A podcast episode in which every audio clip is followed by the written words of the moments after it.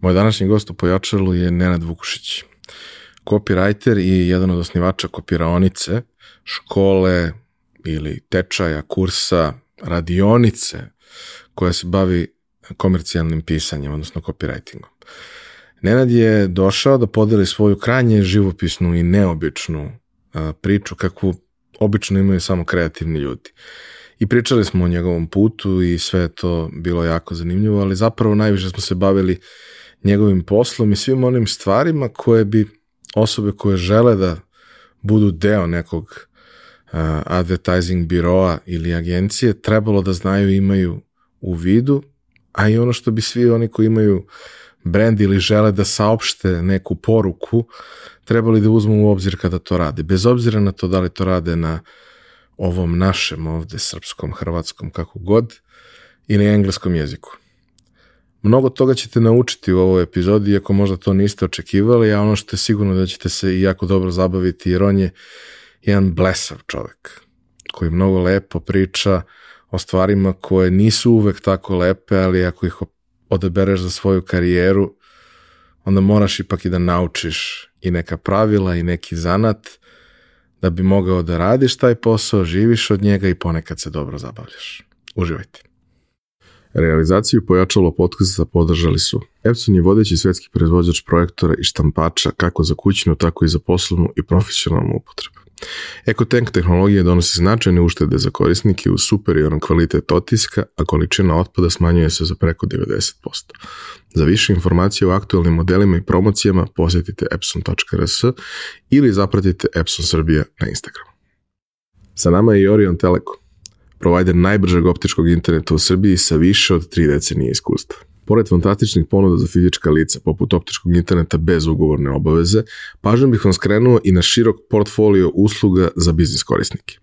Orion nudi cloud infrastrukturu koja može da odgovori svim potrebama i izazovima sa kojima se kompanije sreću, kao što su modernizacija IT sistema, skalabilnost, optimizacija troškova, digitalna transformacija i implementacija inovativnih rešenja. Uz njihova cloud rješenja garantovane su vam vrhunske performanse, 24-časovna podrška stručnih lica kao i napredno sigurnosno rješenje. Za dodatne informacije pišite na biz.prodaja.oriontelekom.rs ili ih pozovite na 011 41 00 007. Odnedavno sam postao urednik i autor na portalu naše mreže. U pitanju je portal za preduzetnike gdje možete pronaći mnogo zanimljivih i korisnih informacija o svim pitanjima koje muče vlasnike biznisa u Srbiji.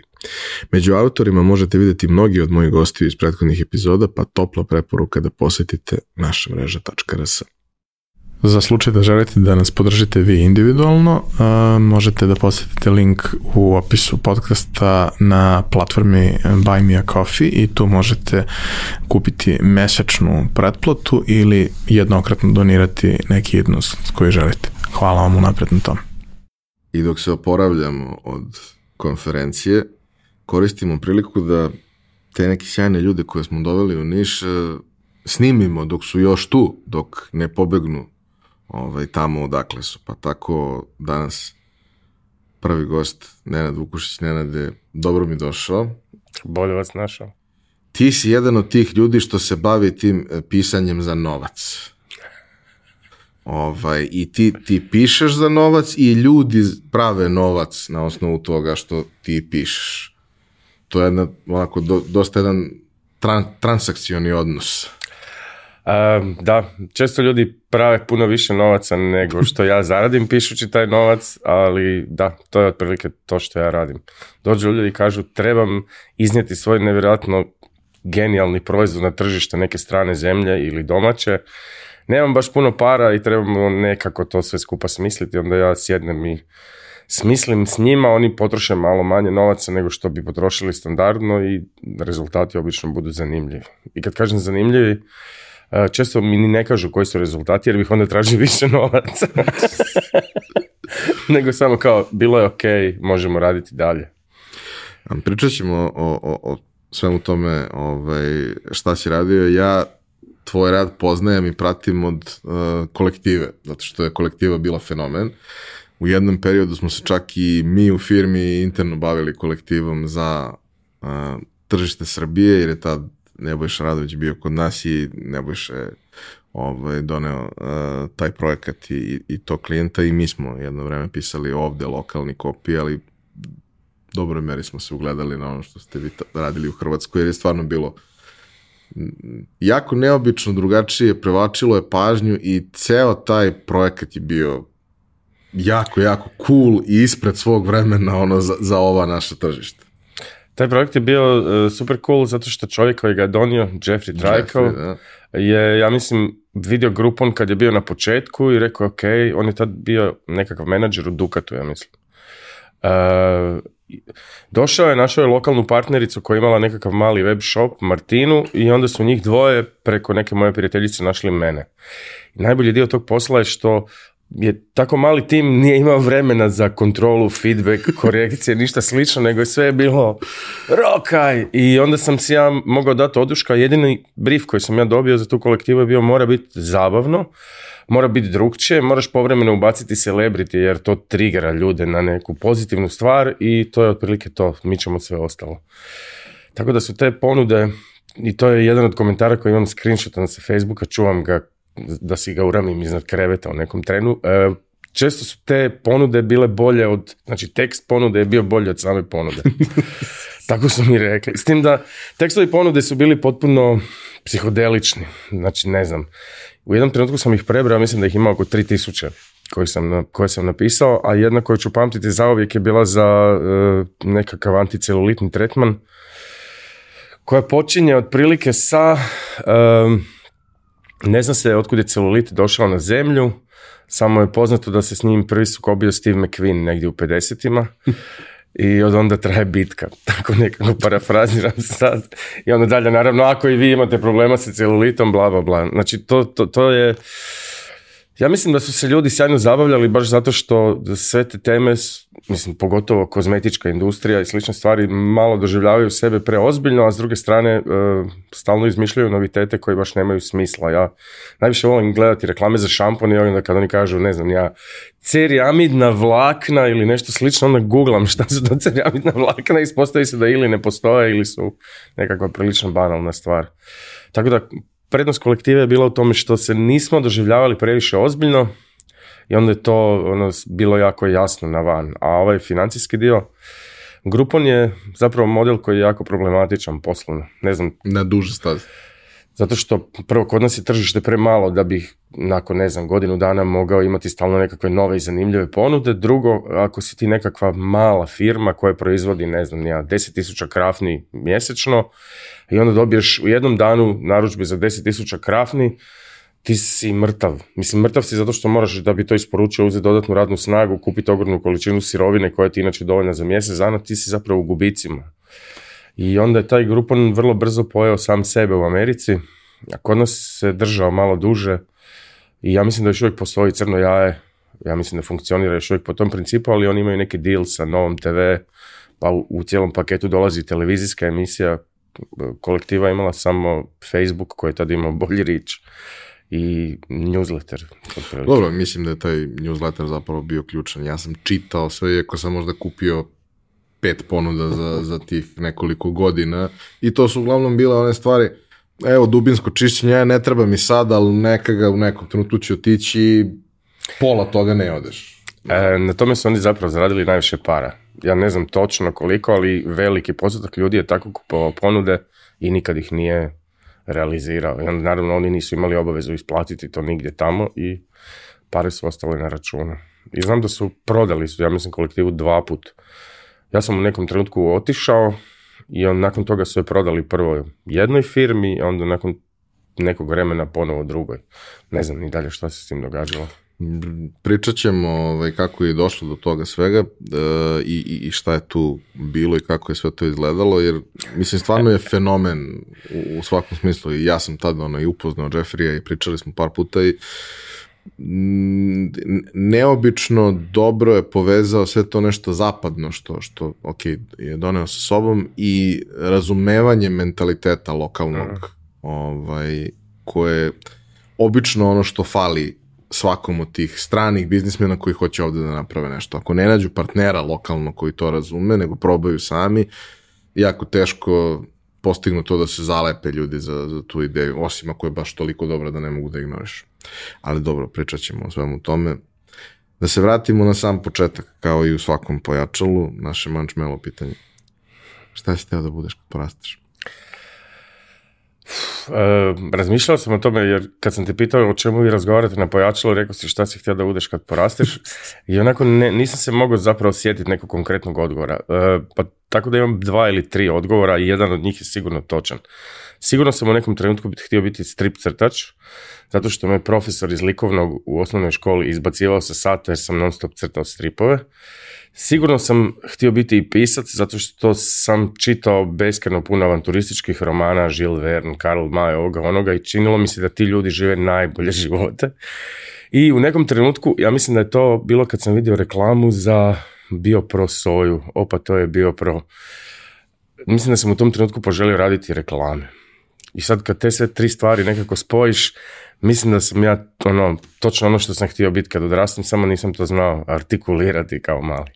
A to je osoba koja se jako puno zabavlja radeći posao koji je nekim drugim ljudima možda i naporan i dosadan, a meni je urnebesno i kreativan, ali i, kako bih rekao, mučan, ali zabavan zato što, ne znam, nekim danima prodaješ e, tvrtku koja radi restauracije termonuklearnih elektrana i to sigurno nije zabavno, ali je zabavno pronaći način kako to iskomunicirati. A nekim danima radiš Steve Ekvina koji se tuče sa blobom i svemira, pa je onda to sve još više zabavno. Tako da, e, ne mogu reći da sam htio biti copywriter, ali htio sam biti neka osoba koja izmišlja neke stvari. Mislim da je to Neil Gaiman super sročio u jednom trenutku. E, dok god mi ljudi budu plaćali, ja ću izmišljati stvari i tako u krug.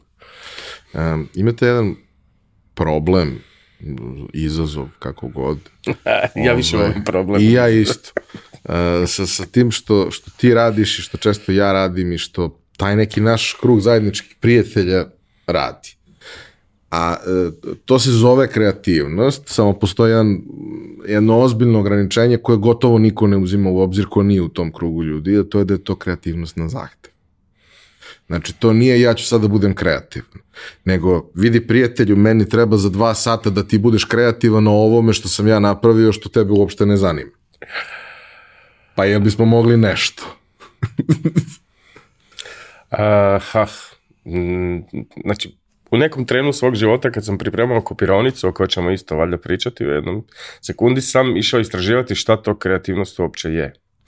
I onda se ispostavilo po dvije teorije koje sam našao da je kreativnost zapravo samo razvijena vještina kombinatorike. Ti dobiješ neku hrpu zadanih elemenata i onda žongliraš s njima dok ne nađeš neku novu neočekivanu kombinaciju. Sad, kao i svaka druga vještina, uvježbaš ti to nakon 7, 8, 9, 10 godina i ono što ti se čini nepremostivim i nemogućim kad si mlađi i manji, sad postaje ono kao, ok, koliko si rekao da imam 45 minuta? Gotov sam za 30. Samo naravno, da bi kreativnost funkcionirala treba malo i mjesta i zraka, tako da ta eh, na zahtjev sa jako kratkim rokovima je obično vrlo ograničena. Znaš, trebaš, ne znam, napisati deset naslova da bi jedan od njih bio dobar, ali ako imaš vremena samo za tri, onda si ono, zapeo na prvoj lopti. To je tužna bilanca. I to je taj moment gdje, gdje neko kaže, ali znaš, ja sam očekivao nešto bolje. A ti mi kažeš da, ovo je najbolje što može da se uradi u tim okvirima koje si mi zadao.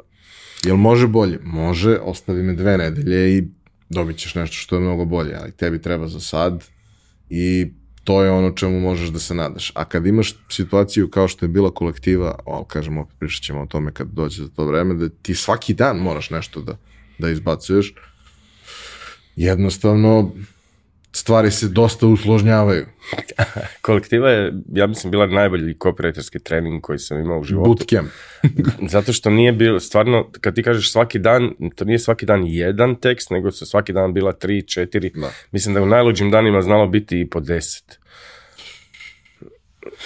A, da, znam. I onda, znaš, pogotovo ako recimo tri za redom budu celulit ili nekakva slična stvar, kao prvi još nekako riješiš, drugi, ajde imam neku ok ideju od prvog pokušaja, ali treći četvrti, šta ću sad? Znači moja žena je znala umirat od smijeha jer bi ja u nekom trenutku kako sam radio i radim od kuće, bih se njoj okrenuo i rekao, reci mi sve što znači celulitu, kakav je osjećaj ići na depilaciju. I ono, bio sam prepun takvih pitanja. Jedno vrijeme je bila genijalna sprdnja jer ona bi se našla sa svojim prijateljicama pa bi nazvale mene da im preporučim neki kozmetički tretman jer sam na kolektivi naučio sve. Mikrodermoabrazije, dijamantna brušenja, ne znam ni ja šta hoćeš. I to je bilo dosta smiješno, pogotovo zato što u to vrijeme je Nebojša koji je moj kolega i partner na jednom projektu e, bio e, djevojka iza Maybellina. I onda smo nas dvojica ovako prilično krupni, bradati, dlakavi, bili dvije najveće curice u advertisingu u tom trenu. E, kako je kroz uh, odrastanje, e, kako si bio izložen tim raznim nekim uticajima koji su te obeležili. Kažeš da si volio avanturističke romane, kapiram da si volio avanturističke filmove, jer su oni tad bili fantastični. Ovaj, I sve ovo danas što, što se dešava možda izgleda mnogo bolje, ali priča je bez veze u odnosu na ono kako je nekad bilo, čini mi se. Ovaj, eh, ali prosto kako se to sve, kako je tekla ta geneza bolesti? Ovaj. Pa ne znam kad sam se točno prvo zarazio, ali kao i svi kad smo djeca smo spužve. Znači sve što je oko nas i što nas zanima trpamo u sebe. Znači ja sam doslovno čitao sve i svašta što možda i nisam trebao, što u nekom trenutku neke od tih knjiga nisam ni razumio, dok ih nisam čitao kasnije. E, time sam nevjerojatno proširio riječnik kao dijete, pa su me obično prijatelji maltretirali jer bih izgovarao nekakve ono arhaične, nevjerojatne, kompleksne stvari. nego šta? Čemu ti pričaš? E, znam da je jednom jedan lik pripisivao moju zadačnicu u osnovnoj školi i jadan nije razumio uopće o čemu ja pričam i onda je samo vrtio te riječi koje sam ja koristio u krug i bilo je kad ga je zamolila profesorica da pročita najevidentnije da je to prepisao jer sam nije znao objasniti šta je htio reći s tim što je napisao. Um, filmovi, koliko god ih ja obožavam, u tom trenu nisu bili toliko dostupni. Morao si ići u kino ili ih gledati na televiziji, tako da je više baš pisana riječ me trovala, ali stripovi. Stripovi Znači, moja, ja mislim da su moje bake e, gladovale zato što su mi kupovale ogromne količine stripova koje bih ja progutao u sekundi i onda se vraćaju čitao ih ponovo i ponovo i ponovo. Ne znam, Spider-Man i Superman i ne znam, ja, znači sve to fantastično. Što je bilo dalje od stvarnosti, to mi je bilo bolje. I tad sam mrzio francuske stripove jer su oni bili prepsihodelični, ali sad kad sam stariji su mi puno, puno draži od američkih, recimo tako. Nekako mi se ta Europa omilila u stare dane. A, oni stripovi koji su ovde ovaj, regionalno bili kultni. Alan Ford. Recimo, ali ne samo Alan Ford. Zagor, ne, ne znam ko je, sve, znači apsolutno sve, ta, talijanska škola westerna i špageti westerni e, su stvarno ostavili velikog traga, dan danas ono, jedan od dražih filmova mi je Shane, e, iako srčeš si su sigurno puno bolji film kritički gledano, ali Shane je, ono, dođe sam, riješi stvar i ode, iako je ranjen prije 10 minuta, bez da ga boli rame. šta je još bilo zaraza? Mislim, mislim da je dio zaraze u tome što je crtani u 7 i 15 uvijek prije toga imao blok reklama. I onda sam ja, kao svako dijete, žurilo mi se da gledam taj crtani i onda bih sjeo i gledao bih taj blok reklama i onda su mi te reklame je jako zanimljive, jer čak i tad kad smo bili klinci, reklame su bile zabavne, pjevalo se, plesalo, pa su bile animirane, pa su bile onakve, pa su bile onakve.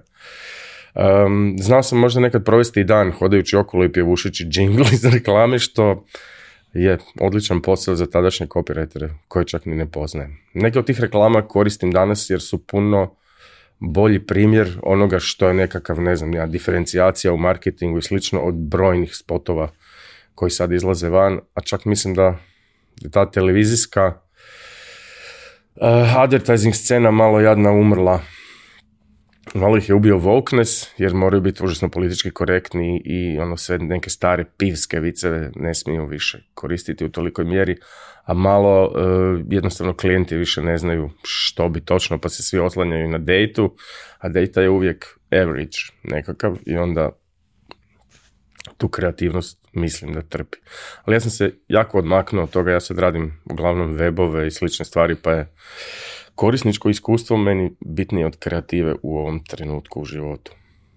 E, mislim da je jedan od razloga zašto su one reklame onda bile takve kakve su bile, zašto su bile toliko zanimljive i dobre, što smo ih pamtili, što ih nije bilo toliko. I ko je imao taj termin pred crtani, pred dnevnik, to je najskuplji termin u danu, znači baš ćeš se jako potruditi da ga iskoristiš najbolje moguće. I to je uvek stvarno i tokom mog odrastanja većina tih reklama je zaista bila sjajna i ok, neke su bile zabavne, neke su bile informativne, ali šanse nema da si zaboravio neku od njih. Da. I da nisi znao ako je o nekoj firmi ili proizvodu da na kraju tih 10, 15, 20 sekundi nisi znao šta je taj proizvod tačno. Da. da li ti on treba ili ne, to je sad druga priča. Ali sada vrlo često imaš tu situaciju da nešto pogledaš i pitaš se šta bi ovo, pa onda te to navede da ti sad to, ako ti je bilo interesantno, izgooglaš, tražiš, a meni ta ekstra step nije baš omiljena stvar. Ok, nije sporno, imamo u džepu internet, nije, nije više to toliki problem, ali ne volim da to moram da radim, mnogo više volim kad dobijem tu informaciju serviranu. Ali dobro. Gle, pa, ali sredstva produkcije su sad svima više dostupna.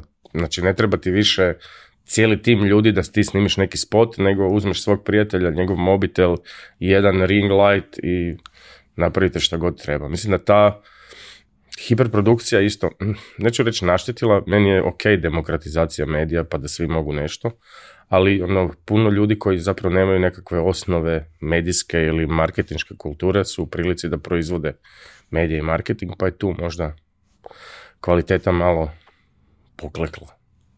Sjećam se, ovo, ovaj, imali smo i neke goste ovdje koji su pričali o tome kako je poč- krajem 80 početkom 90 kako su se snimale neke od kultnih reklama i da si ti tu najčešće imao neke od vrhunskih reditelja filmskih koji su to vodili. Kojima je to bilo dobro plaćena tezga i oni su srećni što to rade, ali sve se radi po principima kako se radi i film, samo imaš 30 sekundi da, da to kažeš i sećam se. Ne pamtim zapravo te, te reklame, možda kad bih ih izgooglao, možda bih ih našao, ali se sećam priča kako je 90-ih Kusturica u Italiji i Francuskoj snimao reklame za njihove telekome, jer je on tamo bio jako cenjen zbog svih onih filmova koji su osvajali ovaj, kan i sve to. Te ti kao, čekaj, čekaj, čekaj, čekaj, kakve veze on ima sa reklamama? Pa i reklami treba rediti. Aha, dobro. I sad, i priče kako to ceo dan, da bi se snimilo 30 sekundi, to nije 30 sekundi, nije ni 30 minuta, nije ni sat vremena, nego je to 12 sati snimanja ili 3 dana snimanja na različitim lokacijama. Onda kolor korekcija u Italiji, onda montaža, onda show cijeli. Baš onako e, e, e, živopisno, ozbiljno, jako ozbiljno, naš odgovorno. Malo da te i, i malo da ti kaže da možda nije za tebe zato što je tako ozbiljno i odgovor. to je isto kobreterska tehnika. Da. Kažeš nekome nije to za tebe, a onda on to želi najviše na svijetu. Kaži mi ovaj, srednja škola, fakultet. srednja škola, prirodoslovno matematička. moji roditelji su jako htjeli da ja budem doktor, recimo to tako, i onda su oni me gurali u tom nekom smjeru, a ja sam jako htio biti pisac, pa sam onda izbjegavao sve te predmete koje bi me mogli odvesti na medicinu.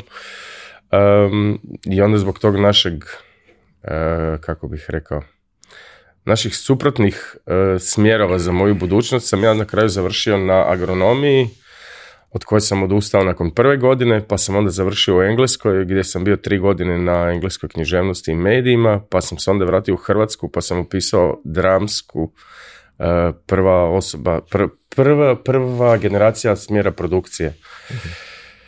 I od toga sam odustao na trećoj godini zato što sam ne znam zašto mi je tako dugo trebalo, ali me e, jako zabolilo što to što smo mi radili kao prijemni, što je bila produkcijska studija, kazališna predstava ili filma, nam je zapravo bio i diplomski rad, a u tih tri godine ono, ne, nisam imao dojam da sam išta naučio, a najviše me mučilo to što je prodekan sve tri godine otvarao prvi dan e, studija sa istom prezentacijom tri godine za redom.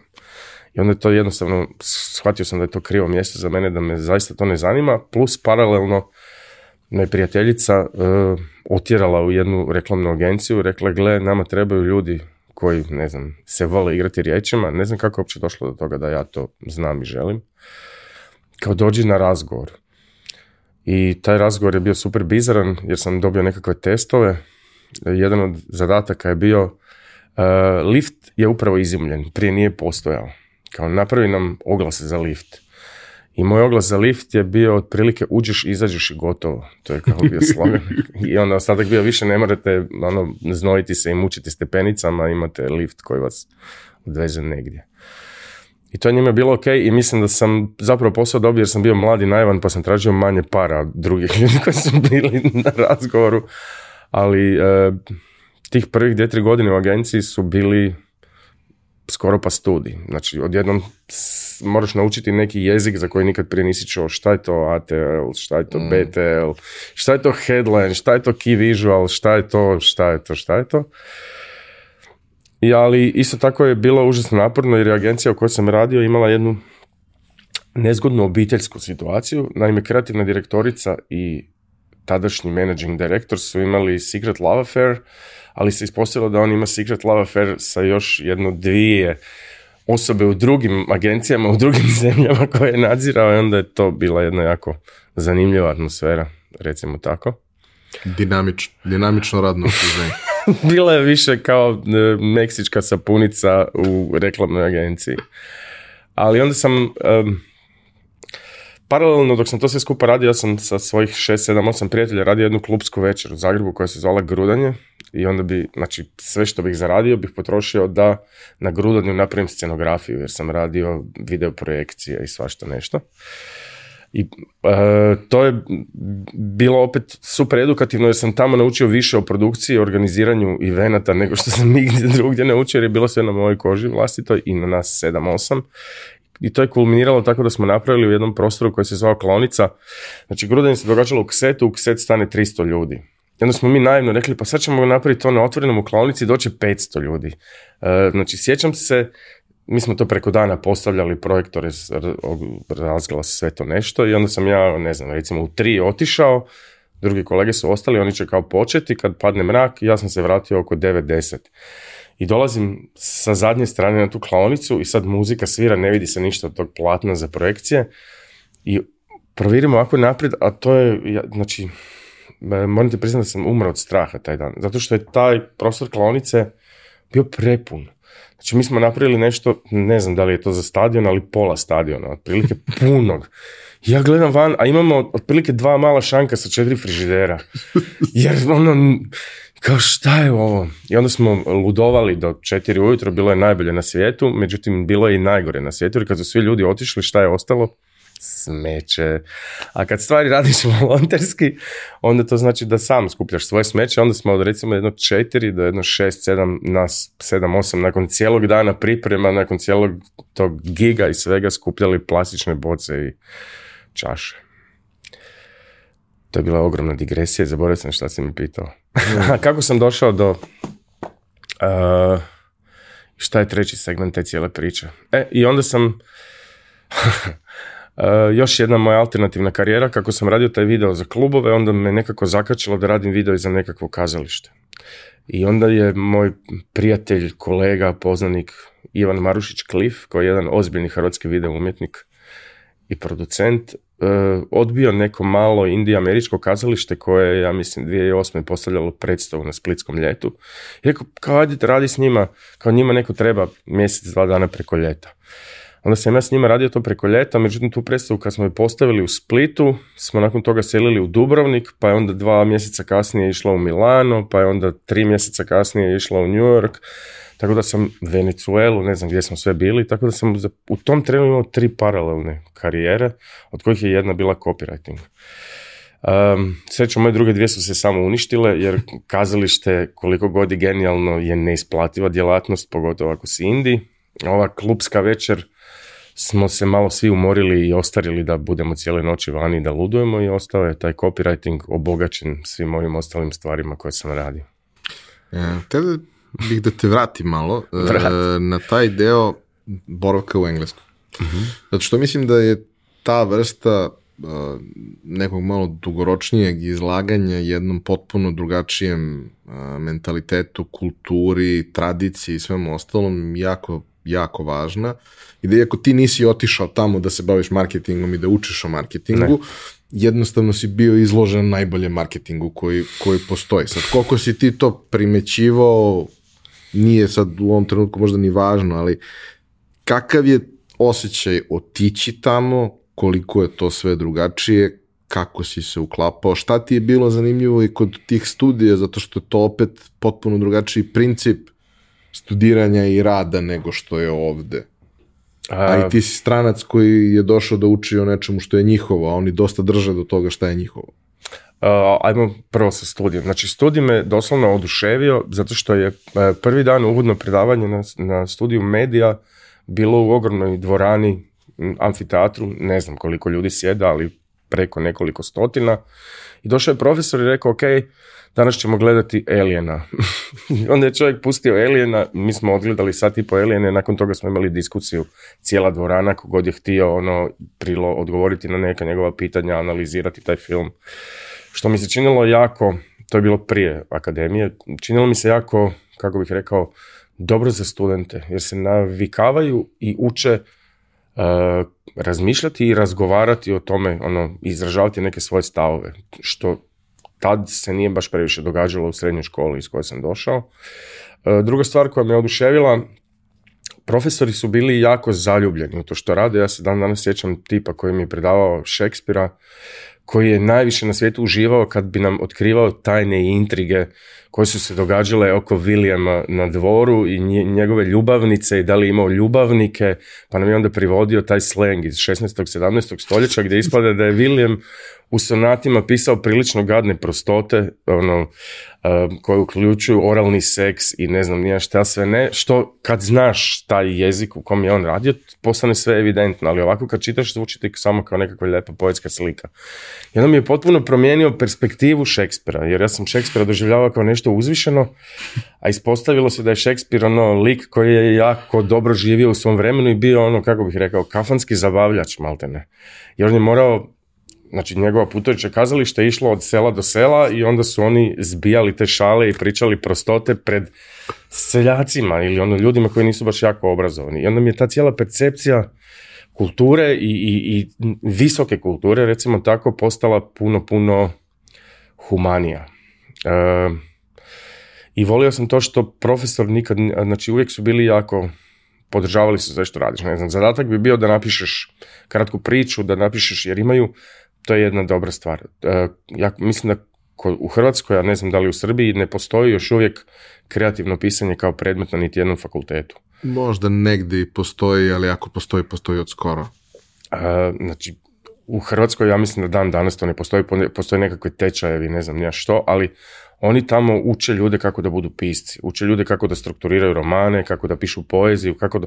I to ne tako da ljudi kroz radeći komparativnu književnost pa uspoređujući različita dijela sami dolaze do nekakve strukture, nego im doslovno pokažu nekakve osnove, postoje udžbenici, postoje i onda vi pišete, oni komentiraju i vi kroz te 3-4 godine faksa, ako vas tako nešto zanima, možete zaista ono, izaći van sa gotovim umjetničkim dijelom koje, ja ne znam da li se to događa kod na fakultetima sigurno da, ali u nekoj manjoj mjeri, jer pratim dosta hrvatsku književnu produkciju, pa ne vidim da iko ravno s faksa objavi išta.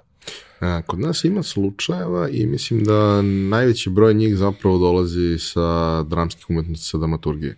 Mhm.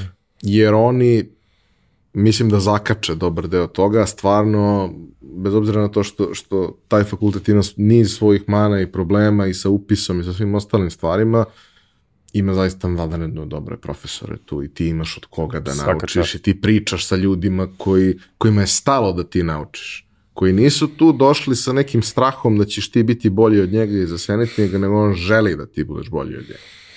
Što je redko. Što je, baš redko. To je. Posebno uđe umetnici.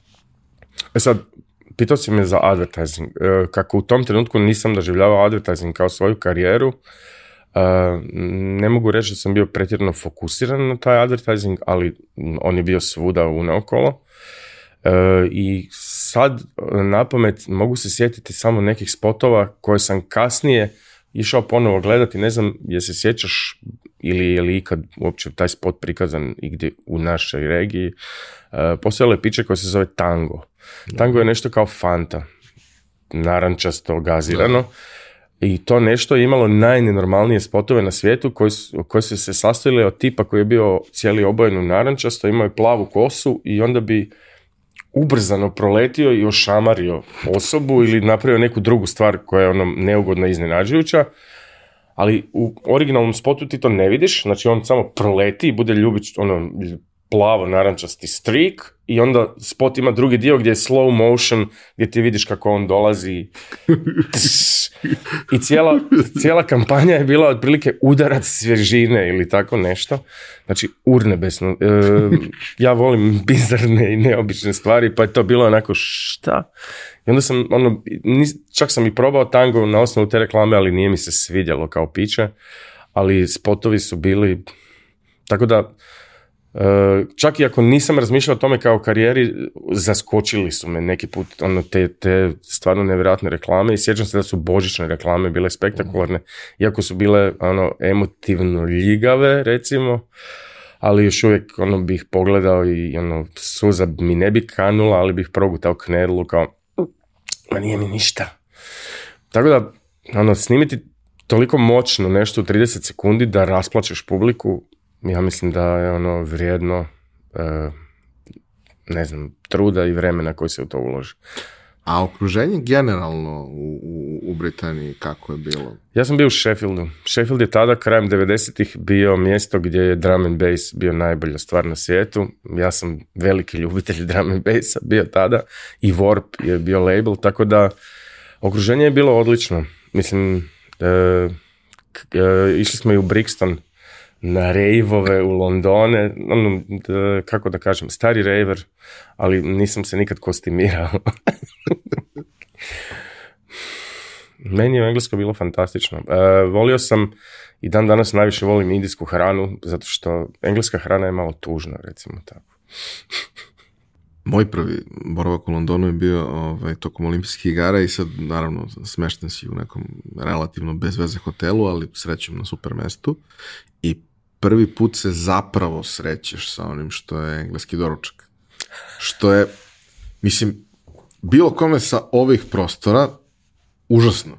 Jedna, jedna jeziva kombinacija svega, ali ti ono sedmog dana si u veze, može, ajde, kakje veze ima, da li je pasulj ili nije, šta je i kako je. Ali da, meni je i u Londonu taj moment da sam prvi put probao indijsku hranu, da sam prvi put probao razne ove alžir, šavarme i slične stvari. Prvi put sam sve to probao tamo. Vrlo brzo nakon toga je taj deo, recimo alžirska i to došla i ovde. Indije tek kasnije bilo pomalo. Ali ti vrlo brzo skapiraš da se oni skoro svi hrane na tim mestima i da oni uopšte ne idu ne, da jedu ove ostale stvari. Ok, naravno, probao sam fish and chips i bilo mi je ok. Probao sam one neke kobasice sa, sa, sa lukom, one kao hot dogovi neki uh sa mhm. lukom i onim nekim prelivima i to mi je bilo super jednom i nisam više nikad probao jer kao nema potrebe. Ovaj, ali da, a, osjećaš se da si u centru sveta, ali da taj centar sveta nije baš vodio previše računa o tome šta im je ovaj, nacionalna kuhinja. Pa, pa, mislim da se nisu ni zamarali previše, jednostavno su donijeli sve što su mogli iz svih nesretnih koloniziranih zemalja i onda si, imaš švedski stol različitih stvari. Mislim, e, ta indijska hrana, moram reći, najbolja priča sa indijskom hranom koju imam, kako bih nadopunio svoj studentski budžet, ja sam u nekom trenutku počeo raditi kao kuhar. E, naravno, nisam odmah bio kuhar jer nisam ni znao kuhati, nego sam prvo bio lik koji pere salatu, guli i reže, onda kad sam naučio čistiti i rezati, su mi dali da pečem pice, onda kad sam pekao pice neko vrijeme, onda su mi dali i sve ostalo. Na kraju sam završio kao drugi kuhar od njih pet ili šest u toj kuhinji. E, I moja dva jako dobra prijatelja, jedan od njih je bio pakistanac. I onda smo stalno mi to nešto jeli, jedan od perača suđa, Mr. Khan, je za Ramazan, kako jadno ne smije jesti preko dana, donio najveće šta mu je žena donijela i ponudio jer je to običaj. I to je bilo tako nevjerojatno fino da sam ja onda ono, odlučio ok, moram to istražiti i onda me taj prijatelj pakistanac odveo u najčađaviji to nije, ni restoran, to je neko mjesto gdje se skupi takeaway, gdje jedu taksisti. Znači, mi dolazimo tamo, ispred je red taksija, kako su svi taksi u Engleskoj ili Pakistanci ili Indici, i unutra su dva tipa sa turbanima, imaju ovako dva ogromna kotla u kojima se nešto krčka i izgleda ono kao nafta otprilike, samo malo više smeđe. I kao šta ćete, ja nemam pojma šta ću, ali taj moj prijatelj kaže dajte nam to, to, to i to. Ja se sjećam da prvi put kad sam jeo baš pravu indijsku hranu, mi je ono, znojio sam se, curio mi je nos i plakao sam u isto vrijeme, ali to je bilo nešto najbolje što sam probao. Znači, i onda sam krenuo istraživati sve to skupa i to je čak postalo i zanimljivo, naravno kad radim u kuhinji i istražujem neke kuhinje, logično je da pokušavam to iskuhati, tako da je dan danas znam napraviti kari bolje nego što ga mogu naći vani za pojest, ali ne radim ga često jer je Dobar kari znači da vam cijela kuća miriše na kari jedno sedam dana. A i sve ostalo što izlazi iz vas ima istu aromu. Tako da, obožavao sam. I e, cijeli, ta cijela kulinarska avantura je bila zaista spektakularna jer e, nedavno je izašla serija koja se zove The Bear a i Bourdain je imao onu neku svoju knjigu. Znači, to je sve istina. Kuhinja je mjesto na kom se naučite hendlati stres, jer imate taj prednji dio gdje su stolovi i konobari koji samo idu okolo i skupljaju naručbe, onda imate nas Peter u kuhinji koji moramo nahraniti tih 300 ljudi unutar 20 minuta, inače će sve otići po ragu. I onda oni samo dolaze i bacaju te ceduljice, ti u jednom trenutku ne možeš to se skupa stići i onda naravno te opere potpuno... Znači, ja mislim da je kuhinja zaslužna što ja danas jako rijetko paničarim što god da se događa na poslu. Jer jednostavno Barem nema oštrih predmeta i otvorenih planenika. Ali da, obožavao sam to. E, I onda sam čak, kad sam se vratio u Hrvatsku, u nekom trenutku razmišljao o tome da budem kuhar, ali e, to bi podrazumijevalo polaganje nekih ispita i svega nečega, a meni se to zapravo nije dalo. Plus, to u Engleskoj je bio potpuni kaos. To je bio talijanski restoran koji je bio u vlasništvu Pakistanca. u kuhinji je bio jedan Talijan svi ostali smo bili sa svih strana svijeta i ono, bilo je stvarno nevjerojatno zanimljivo iskustvo. Dobro, ali imali ste jednog italijana, tako da možete kažete vi italijanski restoran, kao što voćni sokovi mogu kažu da su voćni sokovi. Iako imaju 10% voća, da. U najboljem slučaju. Da, da, to, je točno to. E, Mr. Khan, vlasnik restorana, je ono uvijek kad bi, jer taj glavni kuhar bi jako često otišao, onda bi on uvijek tražio samo Italijana, upravo valjda iz tog razloga. Da kad neko dođe da se može slikati Luigi from Sorento. ili nešto. kako je bilo učiti o engleskoj književnosti? gle, ja književnost obožavam, a engleski je jezik koji sam kao klinac pokupio valjda najbrže. E, I onda mi je Znači, kad sam došao u Englesku, e, svi su bili šokirani kako ja taj engleski dobro govorim. Naravno, nakon dvije godine sam uspio dobiti nevjerojatni britanski naglasak koji kad sam se vratio natrag u Hrvatsku, svi su me prijatelji zajebavali. Jer sam pričao kao svi ljudi koji dođu iz strana zemlja i onda ne znaju više kako govoriti Hrvatska. kako je bilo učiti? E, divno. E, mislim, kad kažeš učiti, to je samo značilo da sam pročitao hrpu nekih knjiga kojih inače ne bi pročitao jer je, ono, ne bi bilo vremena ili bih čitao nešto drugo. Ne, znam, nemam, nemam neki opis kako je bilo. Bilo je jednostavno prirodno i ugodno. I ono, nije me, nije u jednom trenutku me ništa nije mučilo. Najviše me zapravo namučio i to nije bio dio obaveznog programa. Erwin Welsh, ovaj mm Trainspotting. Zato što je Erwin Welsh škot i onda je Train Spotting, kad sam ga ja uzeo čitati, bio nešto što je bilo nemoguće pročitati, jer je on fonetski pisao škotski dijalekt.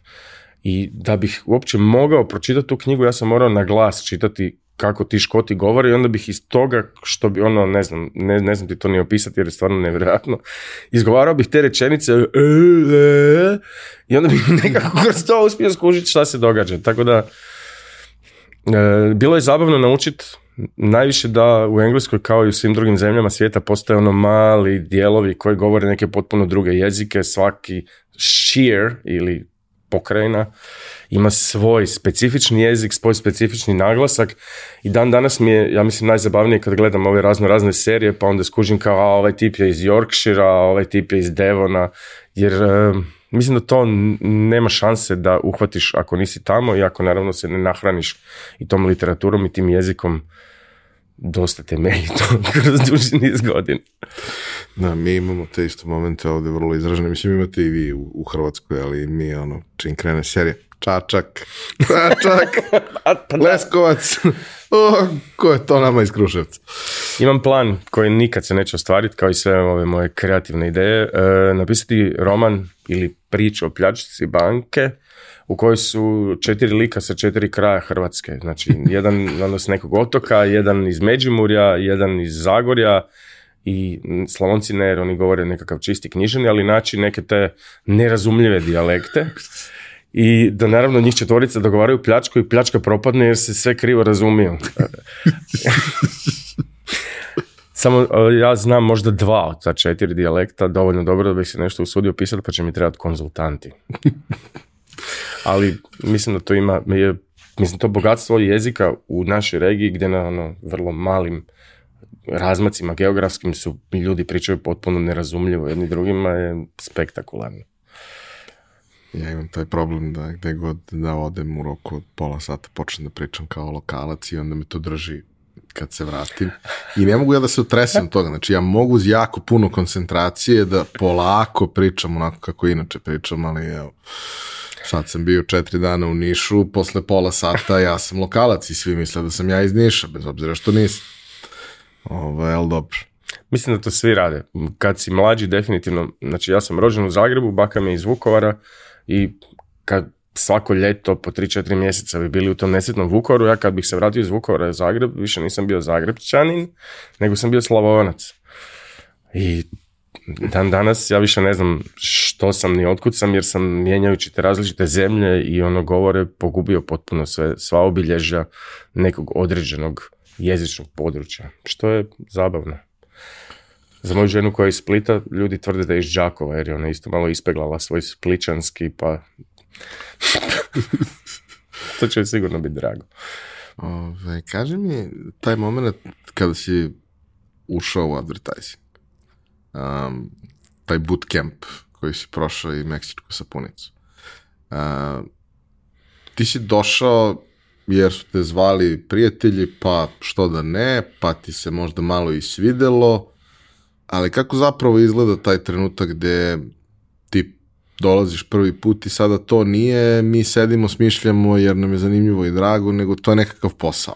Ti jesi junior, ne zna se šta, kako, koliko možeš i to sve, ali ipak postoje neka očekivanja i ti u krajnjoj liniji imaš očekivanja od sebe da ćeš nešto tu moći da doprineseš. Kako izgleda prvih šest mjeseci u advertisingu?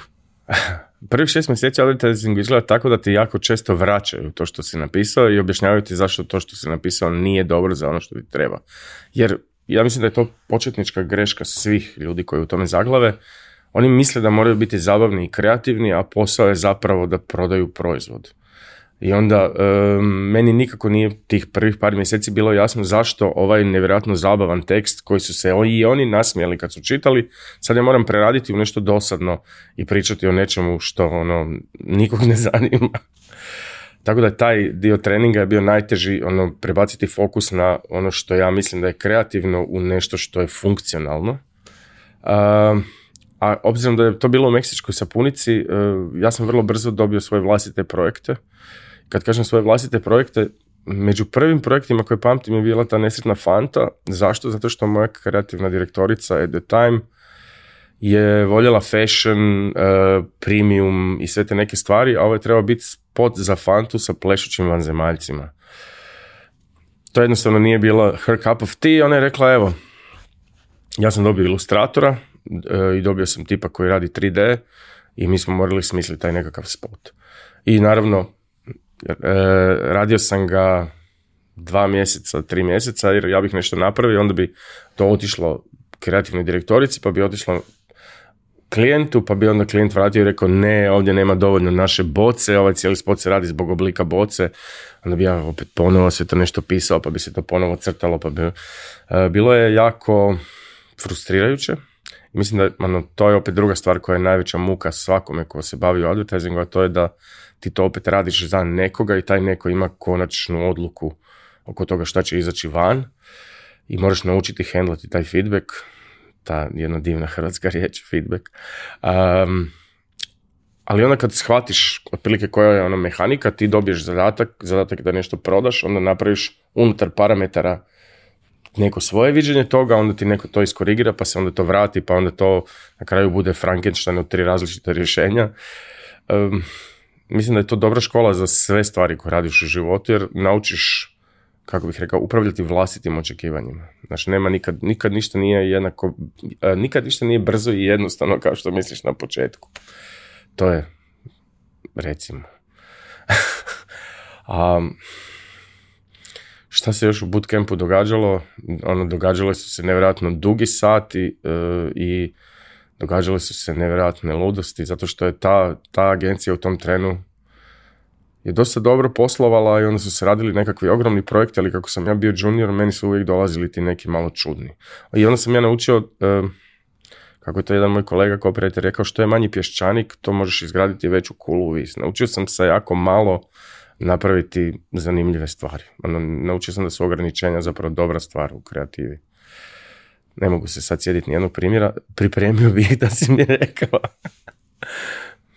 Pa nije, nije, nije stvar u tome da pričamo o konkretnim primjerima, dobrim delom i zbog toga što ono, njih se možda sećaju ljudi na lokalu u Hrvatskoj, ali dobar deo publike ne zna, nije imao dodir sa time, nego prosto ceo taj proces ja volim da pričam o tim stvarima zato što jako često mladi ljudi koji se razmišljaju o karijeri u, u, advertisingu imaju vrlo nerealno očekivanje od toga kako ta karijera izgleda. I u bilo kojoj kreativnoj industriji, ako je u pitanju dizajn, da to znači da ćeš ti sad raditi sve ono što ti voliš i svi će deliti tvoje, tvoje viđenje i tvoje vrednosti, a tvoj zadatak je u suštini da klijent bude zadovoljan.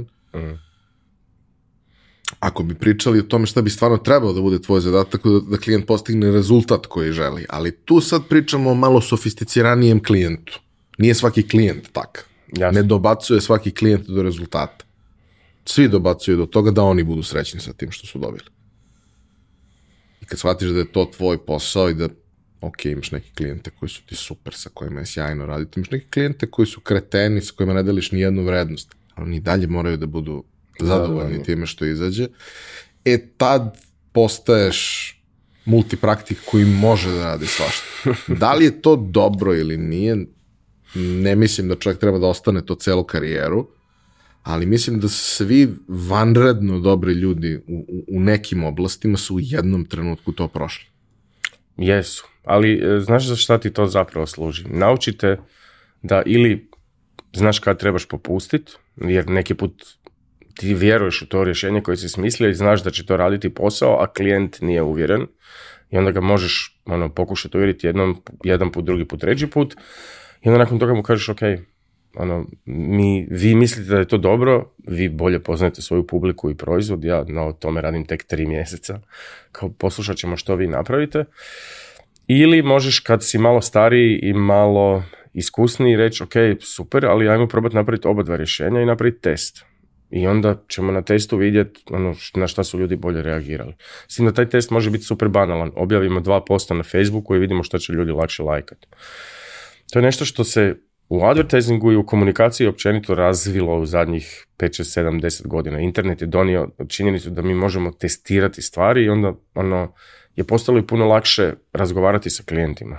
Jer ja ne znam, jednog menadžera koji će reći ne ako mu prezentirate vrlo jasan case da ovaj naslov donosi deset puta više klikova od sljedećeg, što znači da prodaje sigurno 10 puta bolje od bilo koje druge verzije. Mislim, naravno, ali imaš i taj moment da ako pričamo o nekom kreativnom rješenju koje je post-vizual nešto mhm. sa nekom porukom, to eh, može lako da se desi nekada da upravo to klijent ipak bolje zna svoju publiku i da bez obzira na to što je tvoje rešenje Absolutno. genijalno, publika bolje reaguje na ono što je on rekao. I, znaš, taj moment što smo mi sada došli u, u, u situaciju real-time komunikacije sa, sa publikom naših brendova, je neverovatno moćan, samo ga redko ko koristi, jer za to ipak treba da imaš svest šta može i kako može i da zaista želiš da se baviš svojim poslom.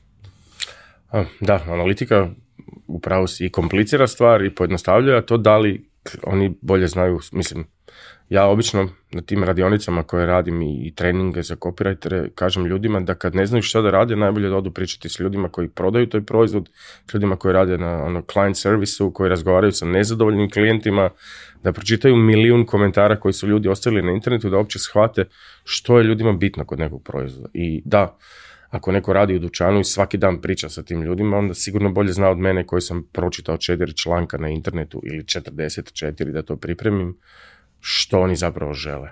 Ali ono, neki put klijenti jednostavno nisu u pravu i tu je ovaj, taj najgori paradoks. Znači, oni često ljudi koji rade u kompaniji imaju potpuno drugu percepciju od toga što taj njihov proizvod ili usluga je u odnosu na ono kako ga doživljava široka javnost. E, i, I tu je neki put jako teško objasniti ljudima da ne znam, oni misle da prodaju najbolju četkicu za zube na svijetu, a ostatku svijeta je to samo još jedna četkica za zube na svijetu, samo što dolazi u zabavnim bojama. I sad, Najbolje bi bilo komunicirati kao, ne znam, ako, vam, ako vaši zubi vole šareno, kupite našu četkicu, ali oni insistiraju da se komunicira najbolje. Ja sam veliki protivnik korištenja superlativa pogotovo ako nema nikakvog istraživanja, ono, 7 od devet žena koristi ovaj šampon, um, a to je ono nekakva norma, nažalost, u advertisingu da se tako prezentira jako puno stvari, najbolje, najpametnije, najbrže, najljepše. Um, ne znam zašto to ljudi rade. zato što su zaljubljeni u svoj proizvod i to negde možeš da razumeš, ali, znaš, postoje ti ono, globalni primjeri na koje se uvek ugledamo i koje uvek citiramo kad je nešto, jer globalni primjeri su mnogo važni što ih svi znaju. Ne možda kaže da nikad nije čuo taj slogan kad ga je čuo posljednjih 20 godina. Ja mnogo volim Carlsberg. Volim ga od ono, svoje kako ono, skoro najbolje pivo na svijetu. Probably the best beer in the world. Da, da. Znači, samo ta jedna reč pravi tako veliku razliku. Kao, nisi pretenciozni kreten, samo jako ceniš to što radiš. I, i, ja jako volim Carlsberg i mislim da je to stvarno odličan i slogan i sve kampanje koje su na to naslanjaju su bile zabavne, ali e, to je opet ono jako profinjeno nešto. Ja mislim da se kod nas ljudi ne usude baš hodati nekom tankom linijom, nego su ono sretniji iskopirati ili napraviti vrlo slično, samo da ono se ne uzburka nitko. Zamisli pivo koje će kod nas da ima nekakav takav slogan i takve kampanje. to ne možda se desi, zna se kako se radi pivo. e, pozivam se na peti amandman i odbijem odgovoriti. Ostalo ja nemam klijente iz, te industrije pa mogu reći svašta. E, zna se kako se radi pivo, najbitnija je osoba koja e, magli čašu i radi pjenu. Sve ostalo je. Um, kaži mi, ovaj, ok, jedan jako bitan deo svega onoga što danas radiš je edukacija ljudi koji su zainteresovani da se bave copywritingom. Sad, da li će biti copywriter ili im samo treba taj skill da bi bili bolji u onome što već sada rade, za početak da bi davali bolje briefove, na primjer. To je sad druga tema, ali da bi došao do toga da nekoga učiš, moraš i ti da od nekoga učiš u tom procesu. Jedna stvar je što učiš kroz praksu, svakako učiš kroz neke ljude koji su ti tu oko tebe, ali kako si ti sve učio o copywritingu, si čitao o tome, ko su ti bili znači- neka vrsta uzora? nisam imao uzore, recimo samo da sam imao jedno tri ili četiri agencije koje sam religiozno pratio, e, u to vrijeme je bila jako moderna jedna nizozemska agencija, Kessel Kramer se zvala. Mhm. E, I e, zapravo sam više učio od dizajnera nego od copywritera, e, zato što je cijelu stvar trebalo zavezati ono nekakav paket. kopije, je tu bio početni impuls ili ideja, ali ono slika, tekst, ono imaju nekakvu zajedničku magiju koju ono treba pomiriti, tako da u jednom trenutku Eh, sam zapravo počeo čitati, ali znaš kad sam najviše naučio kao prijetniku, kad sam shvatio da moram drugim ljudima objasniti kako da to rade. Ja sam sve to nekako učio usput i onda kad sam krenuli raditi tu kopironicu, ovak, ide priča iz početka. Uh, Joana Vibe, Copy Hackers, ne znam da li znaš tko mhm. je što je, je netko kog sam ja pratio na internetima jer je žena dijelila znanje šakom i kapom i čitao sam njene blogove i onda je ona tražila beta testere za svoju edukaciju koja je tad prvi put pokretala. I dok sam beta testirao njenu edukaciju, sam shvatio da ono postoji toliko milijuna stvari koje ja ne znam o tom kopiju, koje su u nekim razvijenim zemljama najnormalnija stvar na svijetu. Formule za, za naslove, formule za kopi, struktura, psihologija, ono odjednom je to nešto što sam ja radio zato što mi je zabavno i iz čega ono se nalazimo u razno raznim zanimljivim situacijama, postalo praktički znanost, jer ono, užasno su mi se otvorili horizonti i onda sam ja nakon te njene edukacije prvo odlučio da bih ja isto volio imati edukaciju, ali nakon toga sam si jedno sam nabavio hrpu knjiga od ono e, klasika, Ogilvija, Blaja i ne znam čega, do nekakvih u tom trenutku novih pogleda na tu cijelu situaciju, kao što je Don't Make Me Think od Steve Kruga, koja je zapravo knjiga za web dizajnere, ali veliki dio weba je tekst i onda sam se ono ubijao sa svim tim informacijama i isprobavao sve te stvari malo po malo da bih vidio šta od toga uopće može raditi kod nas. Jer problem je, ja mislim svjetski, e, da smo mi svi jako, jako fascinirani američkim i UK engleskim govornim područjem u toj industriji, a oni imaju kompanije koje imaju veće budžete nego naše države, kompletan GDP. I naravno da ono hrpa stvari koja je normalna u Americi, kod nas nikad neće doći. Mi nikad nećemo imati tri mjeseca da testiramo četiri landing stranice da bi vidjeli šta će od toga prodavati. Imat ćemo tri tjedna da je napravimo i dignemo i držimo se za glavu hoće će raditi. Tako da nisam imao nekakve, kako bih rekao, izravne uzore, ali sam imao zdravu konkurenciju. Znači ljudi koji su u tom trenutku u Hrvatskoj radili u agencijama, bilo nas je možda desetak, su bili stvarno dobri i onda bih uživao u tome vidjeti šta, znači išli bi na pić, izgubili bi pitch i zanimilo bi me šta će konkurencija napraviti i onda sam iz toga nekako širio opet svoja znanja. Znači uzore, nažalost, nisam imao, ali nakon što sam pročitao Gilvija, on mi je postao mali bog. I drugi mali bog mi je, e, to je nešto što je baš mi otkrila Joana Vibe, e, Steve Cialdini. Mhm. Steel Steve, Cialdini u svakom slučaju. Čaldini, je ono e, sotona, najveća na svijetu, jer je otprilike otkrio pet trigera kako natjerati ljude naprave bilo šta. Kolektiva je dobrim dijelom ležala na Cialdini jer si imao kratki rok da kupiš proizvod ograničene količine, e, ili ga ono nećeš kupiti. I naravno da svi manijakalno kupuju jer propustit ćemo priliku, propustit ćemo priliku. Tako da, njih dvojica čak ne bih rekao da su uzori, ali oni su mi ono, dva mjesta koja su promijenila meni percepciju toga šta je to copywriting. E, u periodu pre kolektive, šta si još interesantno radio što, što pamtiš kao posebno zanimljivo? E, radio sam milijun toga, ali to su uglavnom bili vrlo, e, kao što sam ti rekao, mali projekti, znači ne znam, za frank, šalice, za ovo, za, ništa to nije bilo nešto spektakularno. E, Kolektivati je zapravo moj drugi pokušaj da postanem freelancer. Prvi pokušaj da postanem freelancer je neslavno propao, ali e, sjetio sam se šta sam još radio. Kad sam prešao iz velike franšizirane agencije u malu lokalnu agenciju, tamo sam radio RBA, pa sam izmislio Bubaš Paru, E, ispričavam se svim roditeljima koji su u tom periodu imali djecu jer znam da su imali puno problema i zbog te bošpare, i zbog pjesmice, i zbog svega što se kasnije događalo. Jer je ono, iz tog imena izrastao merch, izašla, izrasla je e, igrica za iPhone koji je tad tek bio izašao, svašta nešto se napravilo i mislim da su djeca bila luda za tom bošparom. Znam da je u jednom trenutku RBA imala tri kostimirane osobe koje su išle okolo po vrtićima i zabavljala djecu u Zagrebu. Tako da...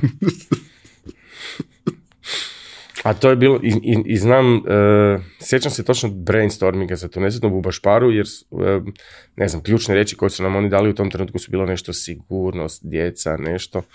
I onda, onda sam ja to vrtio, hodao ovako nervozno u krug po studiju, jer su svi već otišli, a ja nisam imao to ime. I ono, sigurnica, ziherica, nešto i onda buba špara. Niko sretniji od mene. Pao mi je gigantski, gigantska kovanica od 7 tona sa srca. Šta je još bilo? Nikad jedan chat GPT neće napraviti nešto tako. Nikad ne reci nikad. Znači, jučer sam sjedio sa prijateljem koji je, piše kompjuterske igre. I stvarno je genijalan lik i pisac je i svašta nešto i onda smo kako su mene na Digitoku doslovno svaka druga osoba me pitala i hoće AI pojesti copywritere, pa rekao nemam pojma, nemam pojma i onda pitam njega zato što je on malo bliže tehnologiji i stvarno više radi s ljudima u tehnologiji i on kaže da nema šanse, da je jednostavno e, nažalost nema baš to što si rekao, nema taj nepredvidljivi moment potpunog ludila, nego je on vrlo linearan i tako da se nakon razgovora s njim i svega toga ne bojim baš da će chat GPT pojest copywriter. Super je kao alat, možeš super brzo istražiti neke stvari za koje bi ti inače trebalo dane i mjesece. Super je kao brainstorming alat jer će ti izbaciti 200 naslova brže nego što ih ti stigneš napisati, ali još uvijek moraš ti to uređivati. A na kraju ti, ono, čak i vremenski, na kraju ti treba isto da dobiješ nešto što možeš upotrijebiti. Meni se čini da, da štedi vreme i koristim ga aktivno, da kažem, za, za gomilu nekih stvari. I obično to jesu te varijante, ok, sad ću ja tebi da napišem ne previše detaljan brief, jer ako ću da ga pišem baš toliko, onda nema pojenta, izgubit ću mnogo vremena, daću ti neki brief, daću ti neke okvire, ja se ti meni daj 500 nečega ili 50 nečega. Ja ću tih 50 da to svedem na, ono, 40 će budu bez veze, 5 će budu onako, dva, tri će da budu dobra i još jedno, dva će da budu dobra, ali neće moći se koriste iz nekog razloga. I onda će to verovatno uz malo truda, malo dodatnog rada, malo fine tuninga da bude neko rešenje koje bi možda bilo bolje nego bez toga. Možda i ne bi bilo bolje, ali ne bi bilo u toj jedinici vremena. Znači ono, ako treba da ga smislim jer mora da ide u štampariju za dva sata, ajde da vidimo kako će da mi pomogne u svom tom. Ali ja mislim da taj ono moment, mislim što je, što je, što je Cerić pričao i što smo dosta, dosta medija pokrilo u prethodnom periodu, ono kao pokvarili smo ChatGPT. Pa nismo pokvarili, nego funkcioniš po principu ono garbage in, garbage out. Kao i svaki algoritam.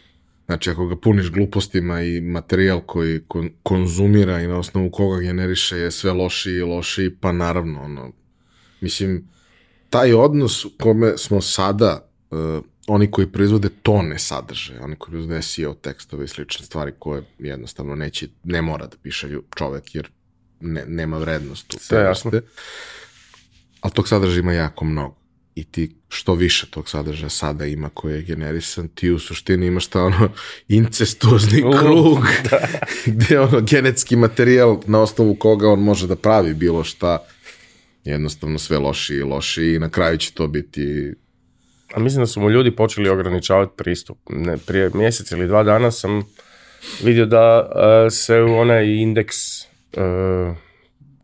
komad na svakom webu, ljudi ubacuju neki komad koda da ga AI ne bi mogao pretraživati. Tako da su možda ljudi malo mu odsjekli pristup nekim drugim stvarima, možda je malo i to što stvarno vrti non stop jedno te isto baš chat GPT ja se jako vidi da je pala kvaliteta, ali mene više zabavlja to što su se sad umjetnici počeli igrati sa svim tim skupa, sa tom tehnologijom i onda je malo, eh, kako bih rekao, subverzivno uništavati. Nedavno je eh, neko, negdje sam pročitao, je netko napravio kao otrov za AI, znači nekak eh, hrani ih nekakvim komadima koda ili teksta ili nečega koji mu uzbunjuju osnovne postavke i na otprilike kad ti tražiš napravi mi sliku psa dobiješ sliku mačke. Nakon što mu on 40 puta ga tako otruje, onda nakon toga on više ne razlikuje psa i mačku, nego je uvijek mačka. I slične stvari mislim da će se početi događati sve više i više i da će taj jadan AI ono, morati ili biti nekako izoliran, da ga ljudi ne mogu kvariti namjerno, ili nešto drugo da bi to bilo funkcionalno. Mislim, dobra stvar sa svim tim modelima, bez obzira na li u pitanju GPT, BART ili neki sličan model, jeste taj trenutak gde ti koji imaš veliku količinu podataka, šta god da si biblioteka, nebitno, ovaj, ono, advokatska kuća, e, ti možeš da ga učiš na tvom sadržaju, ono što tebi treba i da ti ubrzava procese koji su tebi važni. I to je negde point. To ima smisla. A ovo, ovo je više onako neka vrsta eksperimenta koja se malo otela kontroli u smislu masovnosti upotrebe svega toga i da Mislim, već duže vreme na LinkedInu to što ljudi objavljaju zvuči kao da ga je pravio chat GPT. Pa je posle sam već za jebancije, ako koristi riječi ignite, elevate i slično, ono jako lako se to prepozna, jer iz nekog razloga su mu te riječi drage. A to su, kao što je Vladimir Cerić pokazao jučer, to su upravo riječi koje ne bi trebalo koristiti, pogotovo ako ih ne možeš argumentirati. Znači, ne želiš ništa ignajtat ako nisi, ne znam ja, hepokocka. No, ne, ljudi jednostavno vole taj, e, kako bih rekao, spektakularno pretjerivanje, a ne uspijevaju objasniti bazične postavke svog proizvoda. I tu chat GPT e, super ekstra fejla, jer on nema ni osjećaj, ni ništa za sve to skupa, a ljudi koji to puste van, ono, ne znaju bolje. Da, i oni su srećni što koriste komplikovane reči. Što je nešto ispalo. Imaš te ljude kod nas, ovaj, dosta to često kad nauče novu reč, onda je koriste i gde treba i gde ne treba. Ja volim nove riječi. I što su kompleksnije i zabavnije, to su mi draže. Ali opet, za svako od njih postoji vijeste, mjesto i vrijeme. Nije, ono, nećeš svako malo ubacivati, ne znam, nije. Ne mogu se sad sjetiti, ali nešto. E, Nenad Freelancer part 2. Kako, zašto, pa, kolektiva je e, napravila od mene nekakav minor celebrity, a, a kako je to stvarno bio jako mali tim, oni nisu imali problem da proslijede moj broj nekim drugim ljudima i onda sam odjednom se našao u poziciji za koju sam mislio da neću nikad imati kao freelancer, a to je da radim za neke stvarno ogromne domaće brendove kao što su Maistra i slično. I e, tu su zadaci postojali naravno i kompleksniji i teži, jer ne znam, za Maistru konkretno sam pisao kompletan web kad su imali nekakav zadnji redizajn.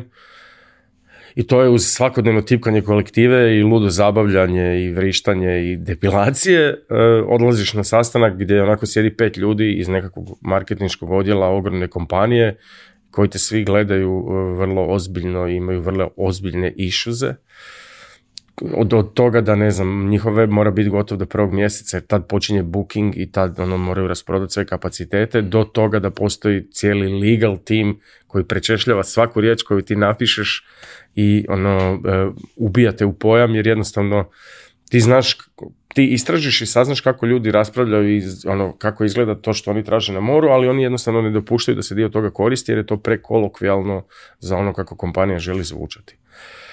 I onda je taj taj drugi dio je ono bio i thrilling, ono nevjerojatno sad odjednom ja sam radim nešto za, za što inače zapošljavaju agencije i bio je ono, zastrašujući malo jer ja sam radim nešto za što inače radi pet ljudi.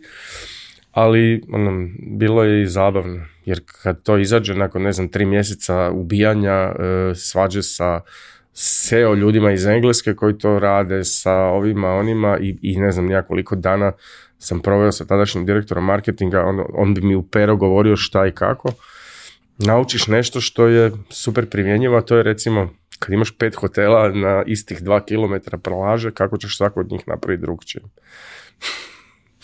I ono, svaka ta situacija ti zapravo da malo više nekakvih moći u tvom spisateljskom arsenalu. Onda naučiš i neke razlike između industrija koje ti prije ne budu evidentne. Naučiš da ne znam, postoje industrije koje funkcioniraju na feelingu, mirisu, bojama, ono nekakvim iskustvima, a postoje industrije i proizvodi koje funkcioniraju na ono goloj funkcionalnosti ili onome što ti postigneš koristeći ih. I onda ta stvar, postoješ jednostavno bolji copywriter, bolji marketer sa svakim. Što je kompleksniji projekt, to ti više naučiš na njemu. I mislim da je to ono što me zapravo zadržalo u ovom poslu je što ja svakih dva ili tri mjeseca kad dobijem nekog novog ozbiljnog klijenta moram ući u neku potpuno novu industriju i ono prvo razumjeti njihov jezik, pa onda razumjeti šta njih uopće pogoni, šta ih tjera da kupe, to nešto šta ih tjera da uopće razmišljaju o nekakvim rješenjima, da bih onda mogao razmišljati o tome kako ćemo im to prodati u daljem koraku. Uh, zanimljive stvari koje su se događale nakon kolektive su recimo startupi. Radio sam jedan super spektakularan startup koji se zvao Enfoger, kad je Instagram bio mlad, dvojica fotografa i e, snimatelja sa televizije i djevojka od jednog od njih su uspjeli naći investitora da im pomogne da proizvedu, e, ne znam kako se to zove, povećivač za fotografije. Mhm ali onaj stari za crno-bijele. I onda su oni napravili maketu gdje gurneš mobitel gore, on ti flipa sliku u negativ, ti dolje staviš papir i ti razvijaš prekrasne crno-bijele fotografije nekog pristojnog formata ravno sa mobitela. Dobili su ono, neki seed money, dali su kompaniji koja mi je napravila prototip, sve su pokrenuli i onda su došli meni i rekli ok, ono, mi se tu trebamo iznijeti na svjetsko tržište, ne znam ni kako su došli do mene, neko me samo poznavao i kao ajmo. I sad ono, ok, ja, ja moram napraviti kampanju za cijeli svijet, kao koliki nam je budžet, pa nemamo neki budžet, ono, imamo neki sitniš. Ok, šta je prvo što možemo napraviti? Možemo, obzirom da je proizvod stvarno zanimljiv i niko nikad nije imao negativnu reakciju na tu ideju, možemo pisati Mashable, možemo pisati tek Crunchu i poslati im standardni PR, ono, pa šta bude. I tu smo imali, ja ne znam, ja mislim da je taj proizvod stvarno jako zanimljiv i da je trenutak bio genijalan. Imali smo sreće jer nas je žena iz tek Kranča praktički isti dan kontaktirala, isti dan je na tek kranču izašao ogromni članak o tome što ono niko ne može platiti valjda. U tom trenu mi sigurno nismo mogli. E, onda nam se malo poslije njih javio Mashable ja sam naravno znao da Mashable neće pisati o nečemu o čemu je tek Crunch pisao prije dva dana, pa smo e, smislili način, znači uspjeli smo taj jedan jedini prototip koji smo imali u mešablu radi čovjek koji se zove Stan Shredder ili Saša Shredl koji živi u Zagrebu i onda smo Shredla dovukli, dali smo mu prototip i rekli evo sad ti sam bez nas isprintaj par fotografija i onda on imao kao prvi hands on. I nakon toga DP Review koji je kao užasno prestižni fotografski online magazin. Uh, e, na sva ta neka mjesta su nas pokupila i kampanja je zapravo ono vrlo brzo postala globalno poznata. Nama su se javljali ljudi iz cijelog svijeta. Išlo je sve to super. Najveći minus je bio što kako ovi ljudi nisu uspjeli registrirati kompaniju u Americi. Nismo bili na Kickstarteru, gdje je u tom mm. trenu bilo puno više para, nego smo bili na Indiegogo i tamo su digli neki maksimum, ne znam, 40 tisuća eura, tako nešto.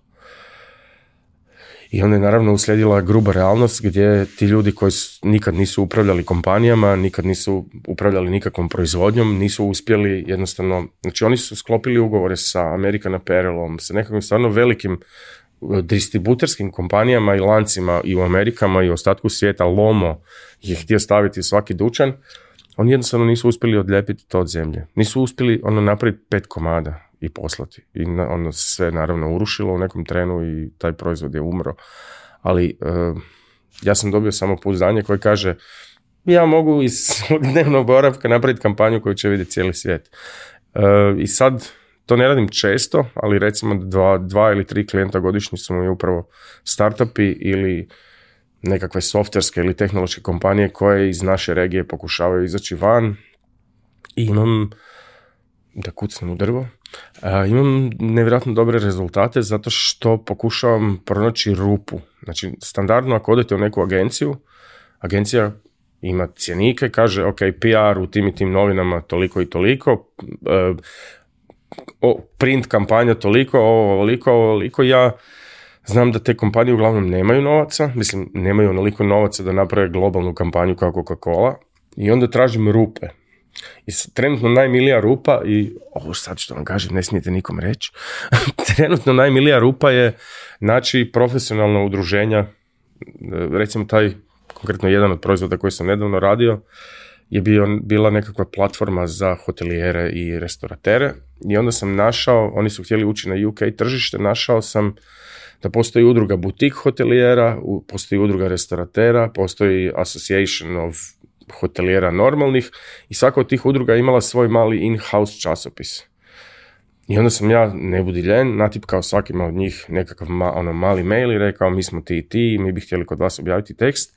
I za jako malo novaca, relativno malo novaca, sam uspio doći do publike koju inače nikad ne bi mogli napipati nikakvim, ono koliko god precizno targetirano oglašavanje, to jednostavno ono nisu ti ljudi. I to je dosta super radilo, znači u nekakvih tri mjeseca ja sam njih i rebrandao jer su oni pivotali proizvod iz e-posa u nešto drugo. Um, za nekakvih tri mjeseca smo došli sa nula posjeta na web sajtu na nekakvih deset tisuća, što je za nišu koja je ono, nije ni toliko velika, respektabilna brojka bila u tom trenu.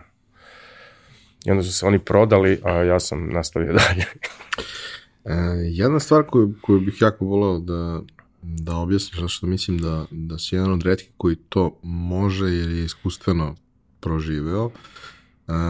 to je taj moment koliko je lako ili teško svičovati se sa ovog našeg hrvatskog, srpskog, šta god, na rad na engleskom, pa onda i kom engleskom, odnosno za koje tržište englesko, da li je to Britanija, da li je to Kanada, da li je to Australija, da li je to Amerika, koji deo Amerike, koji sloj ljudi u Americi.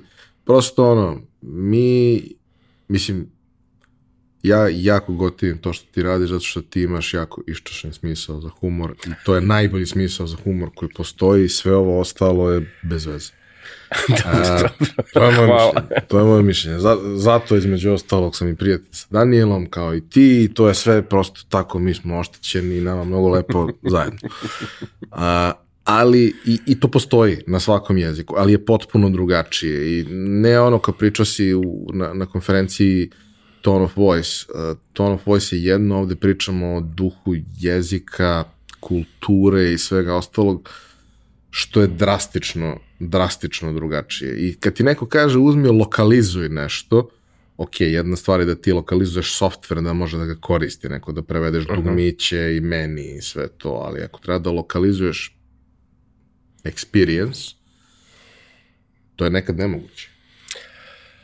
Uf, Slojevito pitanje. Ajmo e, unatrag. E, radio sam i lokalizacije u nekom trenu. Najkompleksnija lokalizacija koju sam radio je bio prepjev nekakve pjesmice za nekakav breakfast keksić od Nestlea. E, I to je doslovno bila noćna mora zato što naravno pjesma da bi se mogla pjevati u nekakvom ritmu mora imati zadani broj slogova. Naš naši jezici su poznati po tome da su jedno 20-30% duže riječi od engleskih originala, pa onda svi misle da je to i bolje, nije. I onda je to e, bilo jako teško ono, nagurati sve da nekako paše. Znam da kad sam završio prevod i kad je to sve u mojoj glavi zvučalo super, onda smo došli do dijela gdje dolaziš u produkciju, onda to uzmu glumci koji to trebaju otpivati i kažu, a ne, ne, ovdje su dva sloga previše, kako si to preveo, to ništa ne valja. Tako da, lokalizacija je ono više struko komplicirana, a odgovor na ovo drugo pitanje kako pisati na engleskom, e, ja taj jezik stvarno volim i ono, volio bih da mogu reći da ga pričam kao materinji, ne znam. E, mislim da bi se to dogodilo da bih trebao živjeti tamo negdje jer ipak imam neku distancu i ne koristim ga baš svakodnevno, u govoru barem. Ali ga čitam svakodnevno i pišem ga gotovo svakodnevno, pa jedan jedini način da pišeš u duhu jezika je da jednostavno ono, živiš taj jezik. Znači, ono, ne moraš svaki dan čitati nešto, svaki dan nešto pisati i doslovno govoriti da bi to, taj cijeli ciklus funkcionirao. E sad, nevjerojatno je teško. Pogotovo je nevjerojatno teško ako si iz istočne Europe, jer e, ne zbog toga što je tvoj engleski loši, jer se pravila mogu naučiti i sve se to može nadrilati, nego su ljudi prepuni predrasuda prema tome kako ti koji nisi izvorni govornik pišeš i govoriš taj neki jezik. Ja najčešće umirujem svoje klijente tako da imam lektore i proofreadere koji su iz točno tog dijela svijeta za koji pišemo i onda su nekako svi ok s tim, e, ali moram priznati da moji lektori meni uglavnom ispravljaju zareze i ono nekakve sitnice. Uh, dobar research pomaže. Kad kažem dobar research, znači copywriteri generalno kad rade nešto bi trebali sjesti, prečešljati cijeli internet i skupiti hrpu fraza kojima ljudi pričaju o toj nekoj temi, proizvodu, u industriji i to je nekako, to su njihove Lego kockice. I onda te Lego kockice razbacate po stolu i sastavljate u nekakve nove, neočekivane fraze i kombinacije. E, stilske figure su isto problematične, recimo da su metafore kod nas puno češće i normalnije u jeziku nego što su u engleskom. U engleskom uvijek ih ljudi doživljavaju kao onako malo pretjerane. Mhm. Tako da je to samo stvar vježbe. A na kraju krajeva super je jednostavno jer kopij mora uvijek biti kratak i jasan i u glavu, a tako valjda možeš pisati. To je ono, neko me pitao na konferenciji da li Associated Press ili Chicago Style Guide da. imaju ikakve veze sa pisanjem kopija, imaju jer te uče da budeš ono konkretan, kratak i jasan ali ono, kopi mora imati i flavor, pa onda to sve skupa mora nekako... Ne znam da li sam odgovorio na pitanje, nije jednostavno, ali nije ni nemoguće. E, znam da se jako puno ljudi pomoglo iz ovih krajeva, tako da bi izmislili brand name koje zvuči engleski i onda bi ih jednostavno malo više uvažavali, ako je pitanje toga kako izaći na strana tržišta. Da, to, to sam viđao, to sam vidio i znam ljude koji freelance rade i rade neke ok stvari, ali nema mnogo ljudi koji rade neke stvari koje su stvarno ono, mm, da kažemo first point of contact sa nekim brendom koji, koji ima neku težinu, ne, mora biti ono, Nasdaq 500, nije, nije u tome stvar. Ali prosto nešto što je u svojoj niši, u svojoj industriji relevantno, specifično. Uh, ajde još jedno, teško. Ovaj, e, mi englesko govorno područje doživljavamo najčešće kao jedan okean koji je isti. A nije isti ni na koji način. I ako pričamo ono, ako banalizujemo skroz i vratimo to na Mad Men i advertising i sve to što volimo, američki advertising, britanski advertising su dve potpuno različite stvari.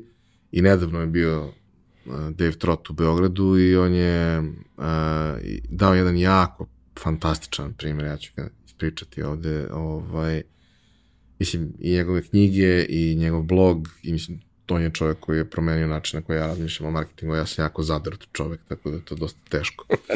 ovaj, ali rekao jednu, jednu genijalnu stvar, a ja bih volao da ti svog ugla to posle proširiš i pokažeš jer ti pričaš kao neko naš. On priča ipak kao neko njihov i to kao neko njihov sa obe strane.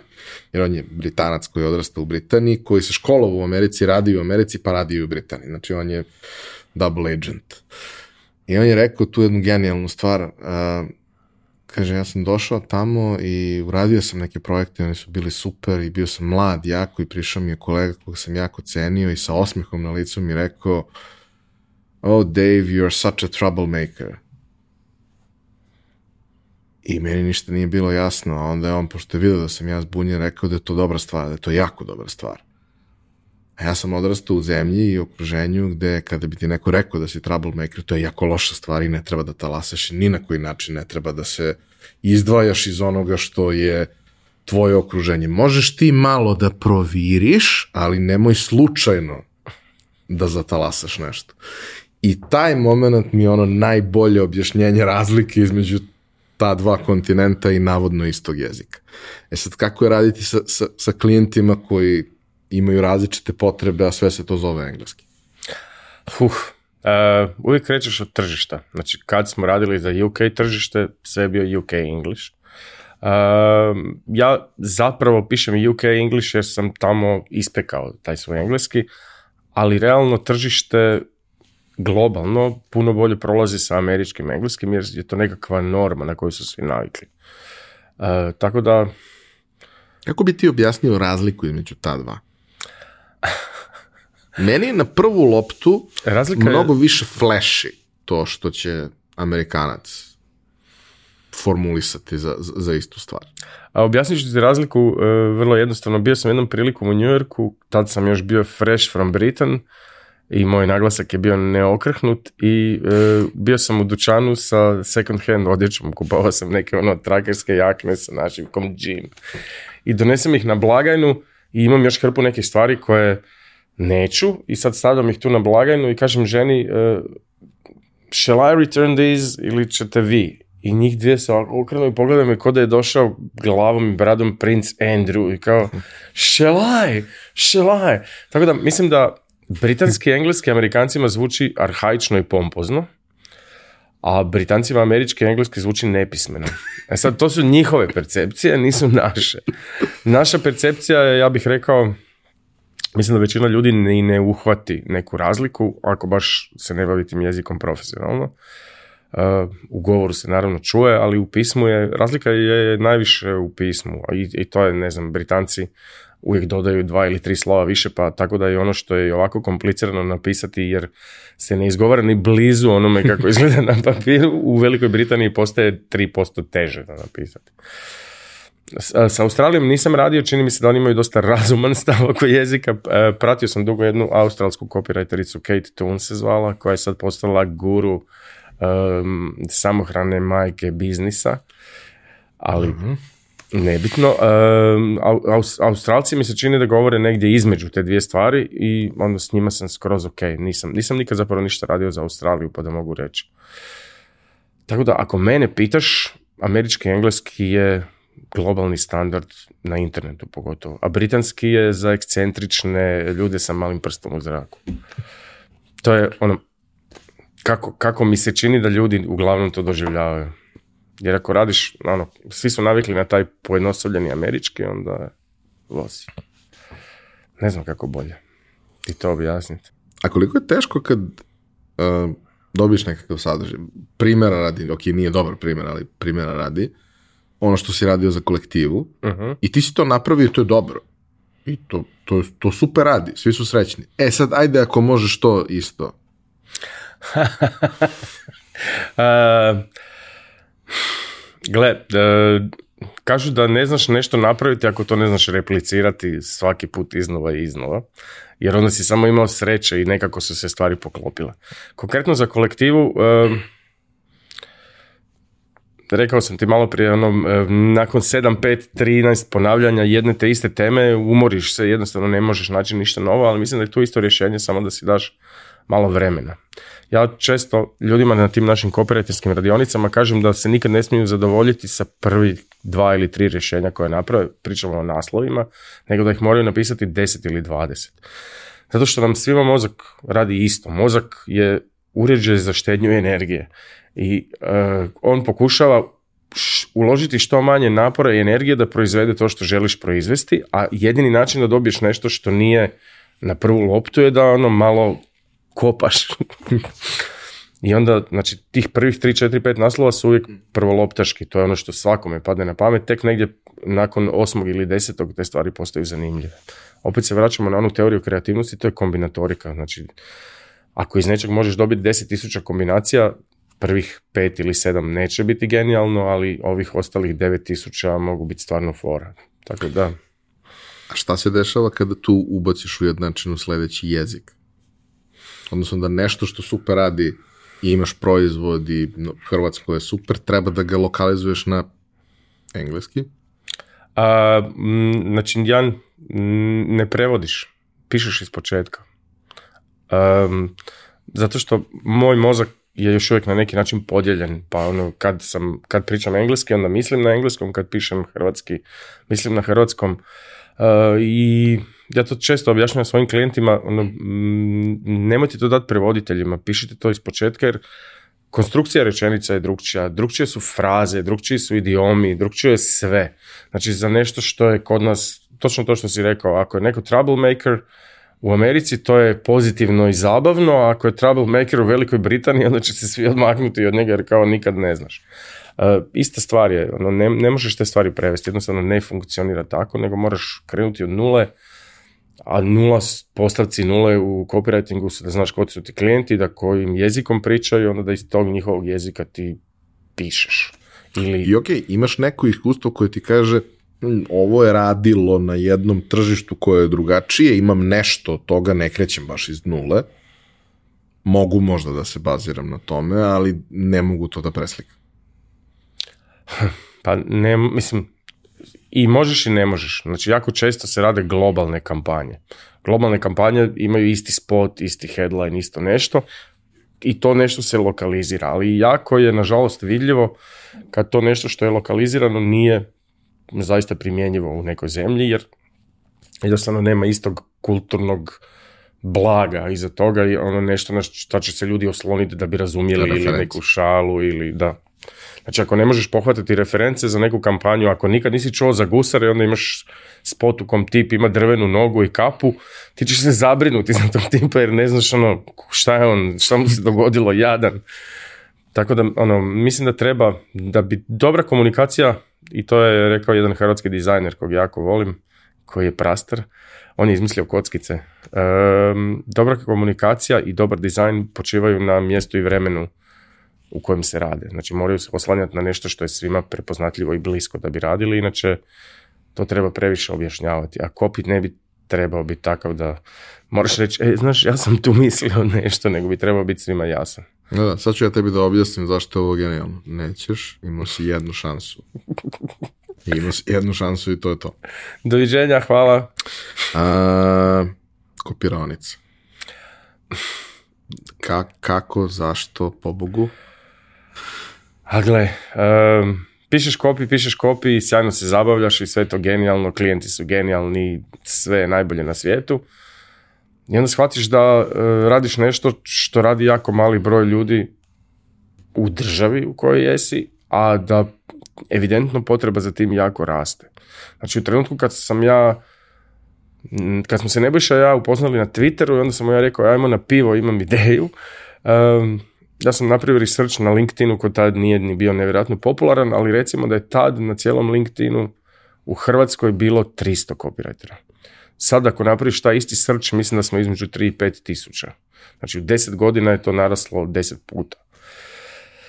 mislim, skučio sam jednostavno trenutak u kom će potreba rasti, jer odjednom svi moraju voditi društvene mreže koje su tad tek izašle, odjednom svi moraju pisati blogove, odjednom svi moraju pisati webove, odjednom svi, ono, jednostavno po količini posla i zadataka koje sam dobio, skužio sam da je to nešto što raste, da ti svi mladi ljudi koji bi to možda i radili, nemaju pojma odkud početi jer ne postoji edukacija. Ne postoji ništa ni blizu. I ono što postoji je okrenuto onim situacijama kada je to jedna rečenica koja će narednih 10 godina da da ono, sve naše materijale, a ti sad treba da ištancaš 30% mesečno. Da. Koji će da budu otprilike okej jer ne možeš svaku rečenicu da kontrolišeš, neko, neko bi poludeo da to radi. Istina. A onda smo Nebojša ja razgovarali i napravili smo testno, jer naravno kad imaš ideju nemaš pojma da li ideja radi, da li to ikog zanima. E, zamolili smo jednu e, poznanicu moju da nam napravi nekakav landing page koji je ona preko noći adaptirala neki WordPress template, ono, doslovno smo napisali kopiraonica, ovo ćemo vas učiti, to je buletirana lista svih tih stvari, prijavite se ovdje i napravili smo tri Facebook oglasa. I na moje nebojšino oduševljenje to se dosta brzo prodalo i ono, mi smo, naravno, kad prvi put nešto radiš, u nevjerojatno si strahu, hoće to uspjeti, kako će to ispast. I onda smo napravili tako još dvije, tri, četiri, pet, i onda je postalo jasno da tržište postoji jer nismo imali nikakav problem da ih napunimo i da su ljudi jako zadovoljni time jer na, naša publika su, osim ljudi koji žele biti copywriteri, znači dođu nam studenti ili ljudi koji su završili faks pa sad traže svoju karijeru, ali najčešće nam dolaze ljudi koji su dobili posao u nekoj firmi na kakvoj god poziciji i onda je netko prepoznao u njima pismenu osobu koja može uvaliti ono sve što se treba napisati. Od društvenih mreža do sign-off mailova, do ne znam nija čega, TikTok scenarija. A ti ljudi najčešće dolaze sa nekakvih društvenih fakulteta, e, književnosti, jezika, ovoga, onoga i nemaju nikakvog pojma o marketingu. I onda je kopiravnica, crash course marketinga sa naglaskom na copywriting. Jer mi njima ono, počnemo sa tim da im objasnimo uopće šta je publika, kako se slaže poruka, šta je ono nekakav cilj komunikacije i kako iz toga svega uopće ono napraviti nekakva kreativna rješenja.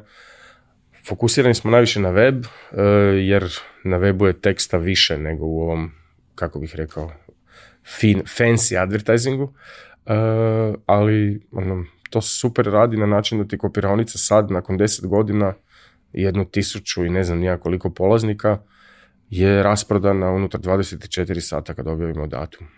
I ono što je najbolje s ne više ja se trudimo da to nije predavanje. Znači mi tim ljudima ne sipamo zanje u glavu, nego mi sjedemo i razgovaramo. Oni nam iznose svoje probleme, često se sprdamo da smo duhovna obnova, uhvatimo se za ruke, uzmemo gitaru i...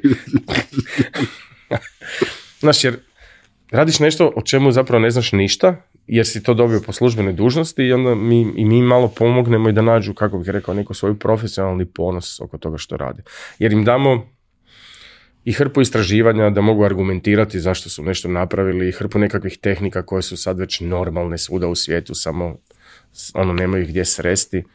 E, I ljudi uglavnom odlaze zadovoljni, a najbolji dio svega toga je što neki put mi, znači, mi na kopironici ljudima dajemo nešto što se zove doživotna garancija koja kaže kad odete s kopironice, ako nešto radite i ne znate, jeste, niste sretni i treba vam samo neko pogledati, pošaljite na mail, nećemo vam odgovoriti isti dan, nemamo tako dobar support, ali unutar par dana ćemo vam dati neki komentar i pomoć.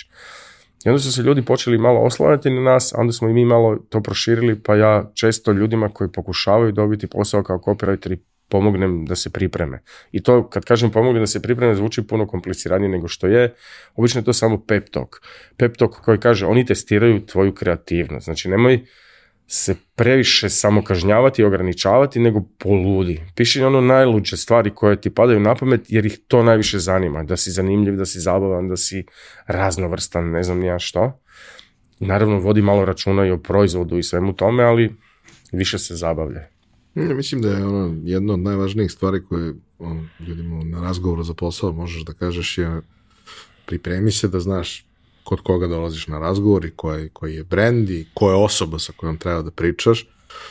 I onda u zavisnosti od toga šta je to, koliko pričamo o, ne znam, ono, alatima, neće sigurno tražiti da bude pretarano kreativno, nego treba da bude precizno, jasno i inženjerski, da se ne izostavi ništa što je ključ. A sve je ostalo preko toga super ali ti kao ono, ako ja nisam shvatio iz tvoje rečenice da je to bušilica, jebi ga.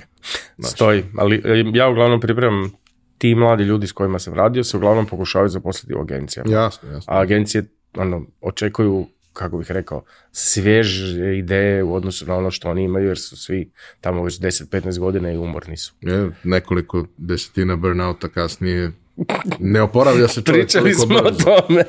Pre nije, za burnout. Nije burnout za mladi ne organizam, ono ovaj, kako izgleda struktura tog, tog dana i koliko često se sad održavaju? A, u idealnom svemiru bi se održavala jednom mjesečno, barem u ovom nekom od desetog do petog mjeseca, ali zapravo više to pada jednom dvomjesečno, jer ne stignemo. E, jer ne i ja smo obećali jednom drugome da ono, nećemo raditi kopiraonice, da nam se to pretvori u posao, znači nego je kopiraonica, kako bih rekao, nekim dijelom, iako mi to naplaćujemo, više kao vraćamo ljudima koje zanimaju takve stvari, nego jer mislim da ono što ljudi najviše cijene kod kopironice je da smo iskreni. Znači tu nema, nema nikakvog pamperinga, nikom, nikom mi ne ugađamo, niti podilazimo, E, imamo čak na kraju svake kopiralnice nešto što ne biše zove trashing session, a ja se borim da to rebrandamo, kad ljudi koji su na kopiralnici izvade svoje digitalne resurse, Facebook page, blog, site šta god su radili, i onda mi to tamo svi pretresemo pred njima e, i damo im savjete ili kako da to naprave boljim ili ono, ako je tu nešto sve super genijalno, šta se tu može, znači mi doslovno s njima od brainstormamo taj jedan mali session i to se zna rastegnuti, ne znam, standardno kopiranovice završi u 5-6, počnemo u 9 sa pauzom za ručak i kave i nešto, a neki put se zna zalomi da budemo tamo do 9-10 navečer jer jednostavno dođe neko koji ima hrpu nekakvih problema i ništa mu nije jasno, onda mi s njima raspravljamo dok nam ne pukne glas. Doslovno. Znači ja nakon kopiravnice idem kući, svrata svima kažem bila je kopiravnica i onda me ništa ne pitaju do sutra ujutro jer 8 sati pričaš s ljudima o svemu i svačemu. Koliko tebi nakon ovoliko godina iskustva znači to što se i ti kroz takvu aktivnost napajaš nekim novim problemima, novim ljudima, novim pristupima, novim idejama? Puno. E, na kraju krajeva to je, imam u svakom trenutku nekakav presjek tržišta i kom je konkurencija i koje su kompanije koje nešto rade i koje su kompanije koje su uspješne i šalju svoje zaposlenike na edukacije. Tako da imam ono, kako bih rekao, e, privatni izvor informacija o svemu tome. E, drugo, e, kužim da hrpa stvari koje te mlade ljude i mlade kopirajtere i kopirajterice muči su zapravo užasno ono banalni problemi koje ja rješim u pet minuta njima i onda njima bude život lakši jer oni ne znaju kuda bi, a ja sam to sve prevalio stoput i samo im kažem, ma dobro, jedna od najgorih stvari koje moraš uvjeriti ljude je da neki put moraju braniti svoje mišljenje da ga moraju braniti argumentirano. Pričali smo o tom nesretnom feedbacku. Znači mi im na kopiranici doslovno kažemo ako ne možete svom šefu objasniti zašto naslov vaše e, landing stranice ili vaše web stranice mora biti vrlo konkretan i jasno reći šta se tu prodaje, za koga i tako nekakve stvari. Možete napraviti test, AB test ne košta ništa, pa mu pokažite rezultate ili ako je ona ili on toliko tvrdoglav da ni ne želi napraviti AB test, onda vam možemo poslati ono hrpu nekakvih istraživanja koje su provele ogromne kompanije, da možete voditi argumentirani razgovor. Jer neki put radite za ljude koji ne znaju dovoljno o tome što rade. I ako se ne možete s njima dogovoriti, onda možda ne trebate raditi s njima. Nažalost. Ima dosta, dosta klijenata, posebno eh, onih koji nisu deo nekakvih velikih sistema, veliki sistemi gledaju da budu efikasni u tom delu komunikacije. Oni nisu efikasni u svemu ostalom, ali kad komuniciraju, gledaju da tu budu ovaj, po nekakvom standardu, jeli? Ovaj, ali oni koji pretenduju da budu veći nego što jesu, oni obično imaju jako veliku potrebu da mistifikuju to što rade. Znaš, to je ono kad pitaš nekoga šta ti je ovo, a on ti priča 15 minuta, sve što treba da ti kaže, ne znam, to je domaći ajvar. Da. Ali on će da ti objašnjava šta je to dobro, prijatelju, a kako se to razlika, ali nije to baš ajvar, pa šta je? Znači, ja sam u jednom trenutku rekao čovjeku kad je krenuo da mi objašnjava tako nešto, ovaj, a što tebi ne bi bio naziv nije baš ajvar? On me gleda ovako. znači, ok, dobro je, ukusno je, super ajvar. je. kao, not exactly Jer, mislim, hoćeš da uvedeš novu reč, Znaš koliko vremena treba da ljudi, da ljudi skapiraju, da krenu da je korist. Kad se poslednji put desilo da smo uveli neku novu reč, a da ona nije došla tako što je došla, ne znam, Coca-Cola i uvela je, pa jebi ga. Za mesec dana svi znaju reč. Ili, ne znam, da Ili se Da, da, da. Ovaj, ali, ali kao generalno, znaš, ti moraš da napraviš neku relaciju sa tim svojim proizvodom, kao što si ti rekao da mora da postoji neka vrsta asocijacije, da, da postoji prepoznavanje šta je to? Pa, znaš kao, čokolada, ali malo više kranči. To mogu da razumem. A kad mi pričaš o nečemu što nije čokolada, nego si ti to nazvao nešto, ja s tim imam ozbiljan problem, ja to ne mogu baš da povežem. To je, e, mislim da je najveći problem ili jedan od problema, e, da kod nas ljudi jako često preskoče ove nekakve temeljne korake. Pozicioniranje, messaging, jednostavno ni, ne razmišljaju o tome, niti provedu neko vrijeme da slože situaciju na tržištu pa da kad vide sve proizvode koji su u toj niši, mogu jasno naći nišu za sebe. Mislim da je April Dunford izdala je relativno nedavno dvije zanimljive knjige baš o pozicioniranju. To objasnila na način ako ljudima ne date neki reference frame ili ne znam ni previs reference frame, ako ne date ljudima neki okvir unutar kojeg razmišljaju o vašem proizvodu, onda dobijate stvari kao što su Uber za glisere ili ne znam nija Volt za krumpire. Jer oni moraju negdje ono, smjestiti vas da bi znali što vi jeste i što vi radite. I sad, ako to prepustite ljudima, onda se može dogoditi svašta. Ako odvojite malo vremena da sami nađete svoje mjesto i da ga definirate, onda je to puno bolje za vas ili klijenta. zavisi šta ti je cilj, naravno neki su napravili planetarne uspjehe tako što su bili Uber, Uber nešto. Jasno. Kao što je potpuno legit, pa ne želim da bilo ko to doživi pogrešno od, potencijalnih klijenata i prijatelja koji rade po takvim firmama i sve. Ali, znaš kao, možeš ti da zoveš sebe kako hoćeš i da praviš prezentacije i product revealove kako god hoćeš, ali ako neko kaže da si ti Apple siromašan, ti nikada nećeš biti Apple za bogate. I to je okej, okay. ti kao Apple za siromašne možeš da budeš ono, top 10 kompanija na svetu. Ali pazi, e, ne, ok, Xiaomi, on nema problem sa tim da je za kao e, price sensitive populaciju, ali imaš jedno tri bar brenda koji jako pucaju na to da su premium i jako pucaju na to da imaju proizvode koji su bolji jer kamera ima 2 megapiksela više što odavno nikome nije važno i ne znam, procesor brži na nešto i sve to. A kao, znaš, na jako pogrešnom mestu pokušavaš da se takvičeš Ah, ali e, to je e, stara copywriterska ti uvijek kaže features versus benefits. Znači, e, u nekim industrijama možeš karakteristikama proizvoda objasniti zašto je tvoj proizvod drugčiji ili bolji, ali ono što zapravo potrošače zanima je što oni dobiju za taj konkretni benefit. Pa ono, ako ne znaš kako, prvi korak je valjda da sjedneš i da uzmeš sve od tih feature i napišeš, ok, 12 megapiksela kamera, jasnija slika, oštrija, veća rezolucija, ne znam i tako, ono, 3600 mAh baterija, punite ju jednom dnevno, radi bez problema 24 sata. To je, e, rekao bih, prvi korak ako hoćeš samom sebi ili potrošačima rastumačiti šta taj proizvod radi i onda naravno ta nesetna diferencijacija. Znači moraš, ja za diferencijaciju obično vadim najbuđaviji e, primjer na svijetu, ne znam, mi se sjećaš e, šta je Blue. Dobro. Blue, blue je plavo, kaže cijeli slogan, ti je tableta za dezinfekciju vode u zahodu. E, u blažene vremena bivše Jugoslavije sve te druge tablete su izgledale više manje isto i nisu bojile vodu, nisu imale nikakav efekt. I onda se neki genijalac u Sloveniji sjedio, pa zašto ne stavimo malo plave boje? U voda u wc uče izgledati kao voda u bazenu. Ovo je plavo.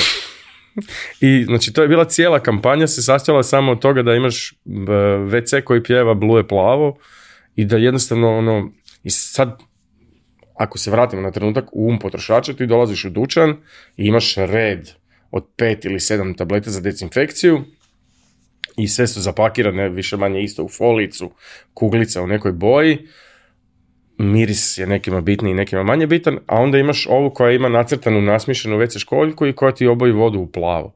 Pa čak i da te ne zanima, kupit ćeš to jednom da isprobaš kako izgleda. A to je već ono puno više nego što su ovih drugih četiri ili pet dobili kao priliku. Tako da ono, diferencijacija je super bitna, a diferencijacija postaje sve teža jer je jako puno sličnih proizvoda. I ono, jedan od načina da se ta diferencijacija napravi je ime, je slogan, je potpuno najuvrnutiji marketing. Zato imamo te nesretne, jako su bili moderni unatrag zadnjih deset godina, brand arhetipove gdje imaš džestera i rebela ili, kako bih prevao, dvorsku ludu i pobunjenika koji, su, koji služe upravo tome da imaš agresivniju komunikaciju da bi te ljudi primijetili u odnosu na ostatak tvoje niše. Samo što se ljudi ne usude. Ja mislim da najveći problem direktora marketinga i ljudi koji upravljaju marketingom kod nas je što ih je strah tog iskakanja. A to im je zapravo posao. I to je nevjerojatni paradoks. Znači, neko ko je zaposlen da se skine gol i potrči glavnom ulicom i vičući nevjerojatna krema za tijelo koja će vas osvježavati cijeli dan, se zakopča do grla, obuče odijelo i jako je ono staložen i ne privlači pažnju na sebe. To nije ono kontraproduktivno. Ne znam kako drugčije to objasniti. Mislim, ja sam imao dosta tih situacija sa klijentima da sedimo i pričamo o nečemu i sad oni mene pitaju za mišljenje i ovako, kažem, ali ja nisam publika. Pa ne, dobro, ali jesi tebi sviđa? Nije bitno da li se Jasno. meni sviđa. Znači, ok, ajde, hoćete da pričamo o tom, ja ću da vam kažem da li se meni sviđa, ali to uopšte nije važno, jer vaš proizvod je za tineđerke od ono 14 do 17 godina. Jel vam izgledam kao tineđer? Kao četir... Jel vam izgleda kao da mogu da se razumem sa tineđerkom od 14 do 17 godina?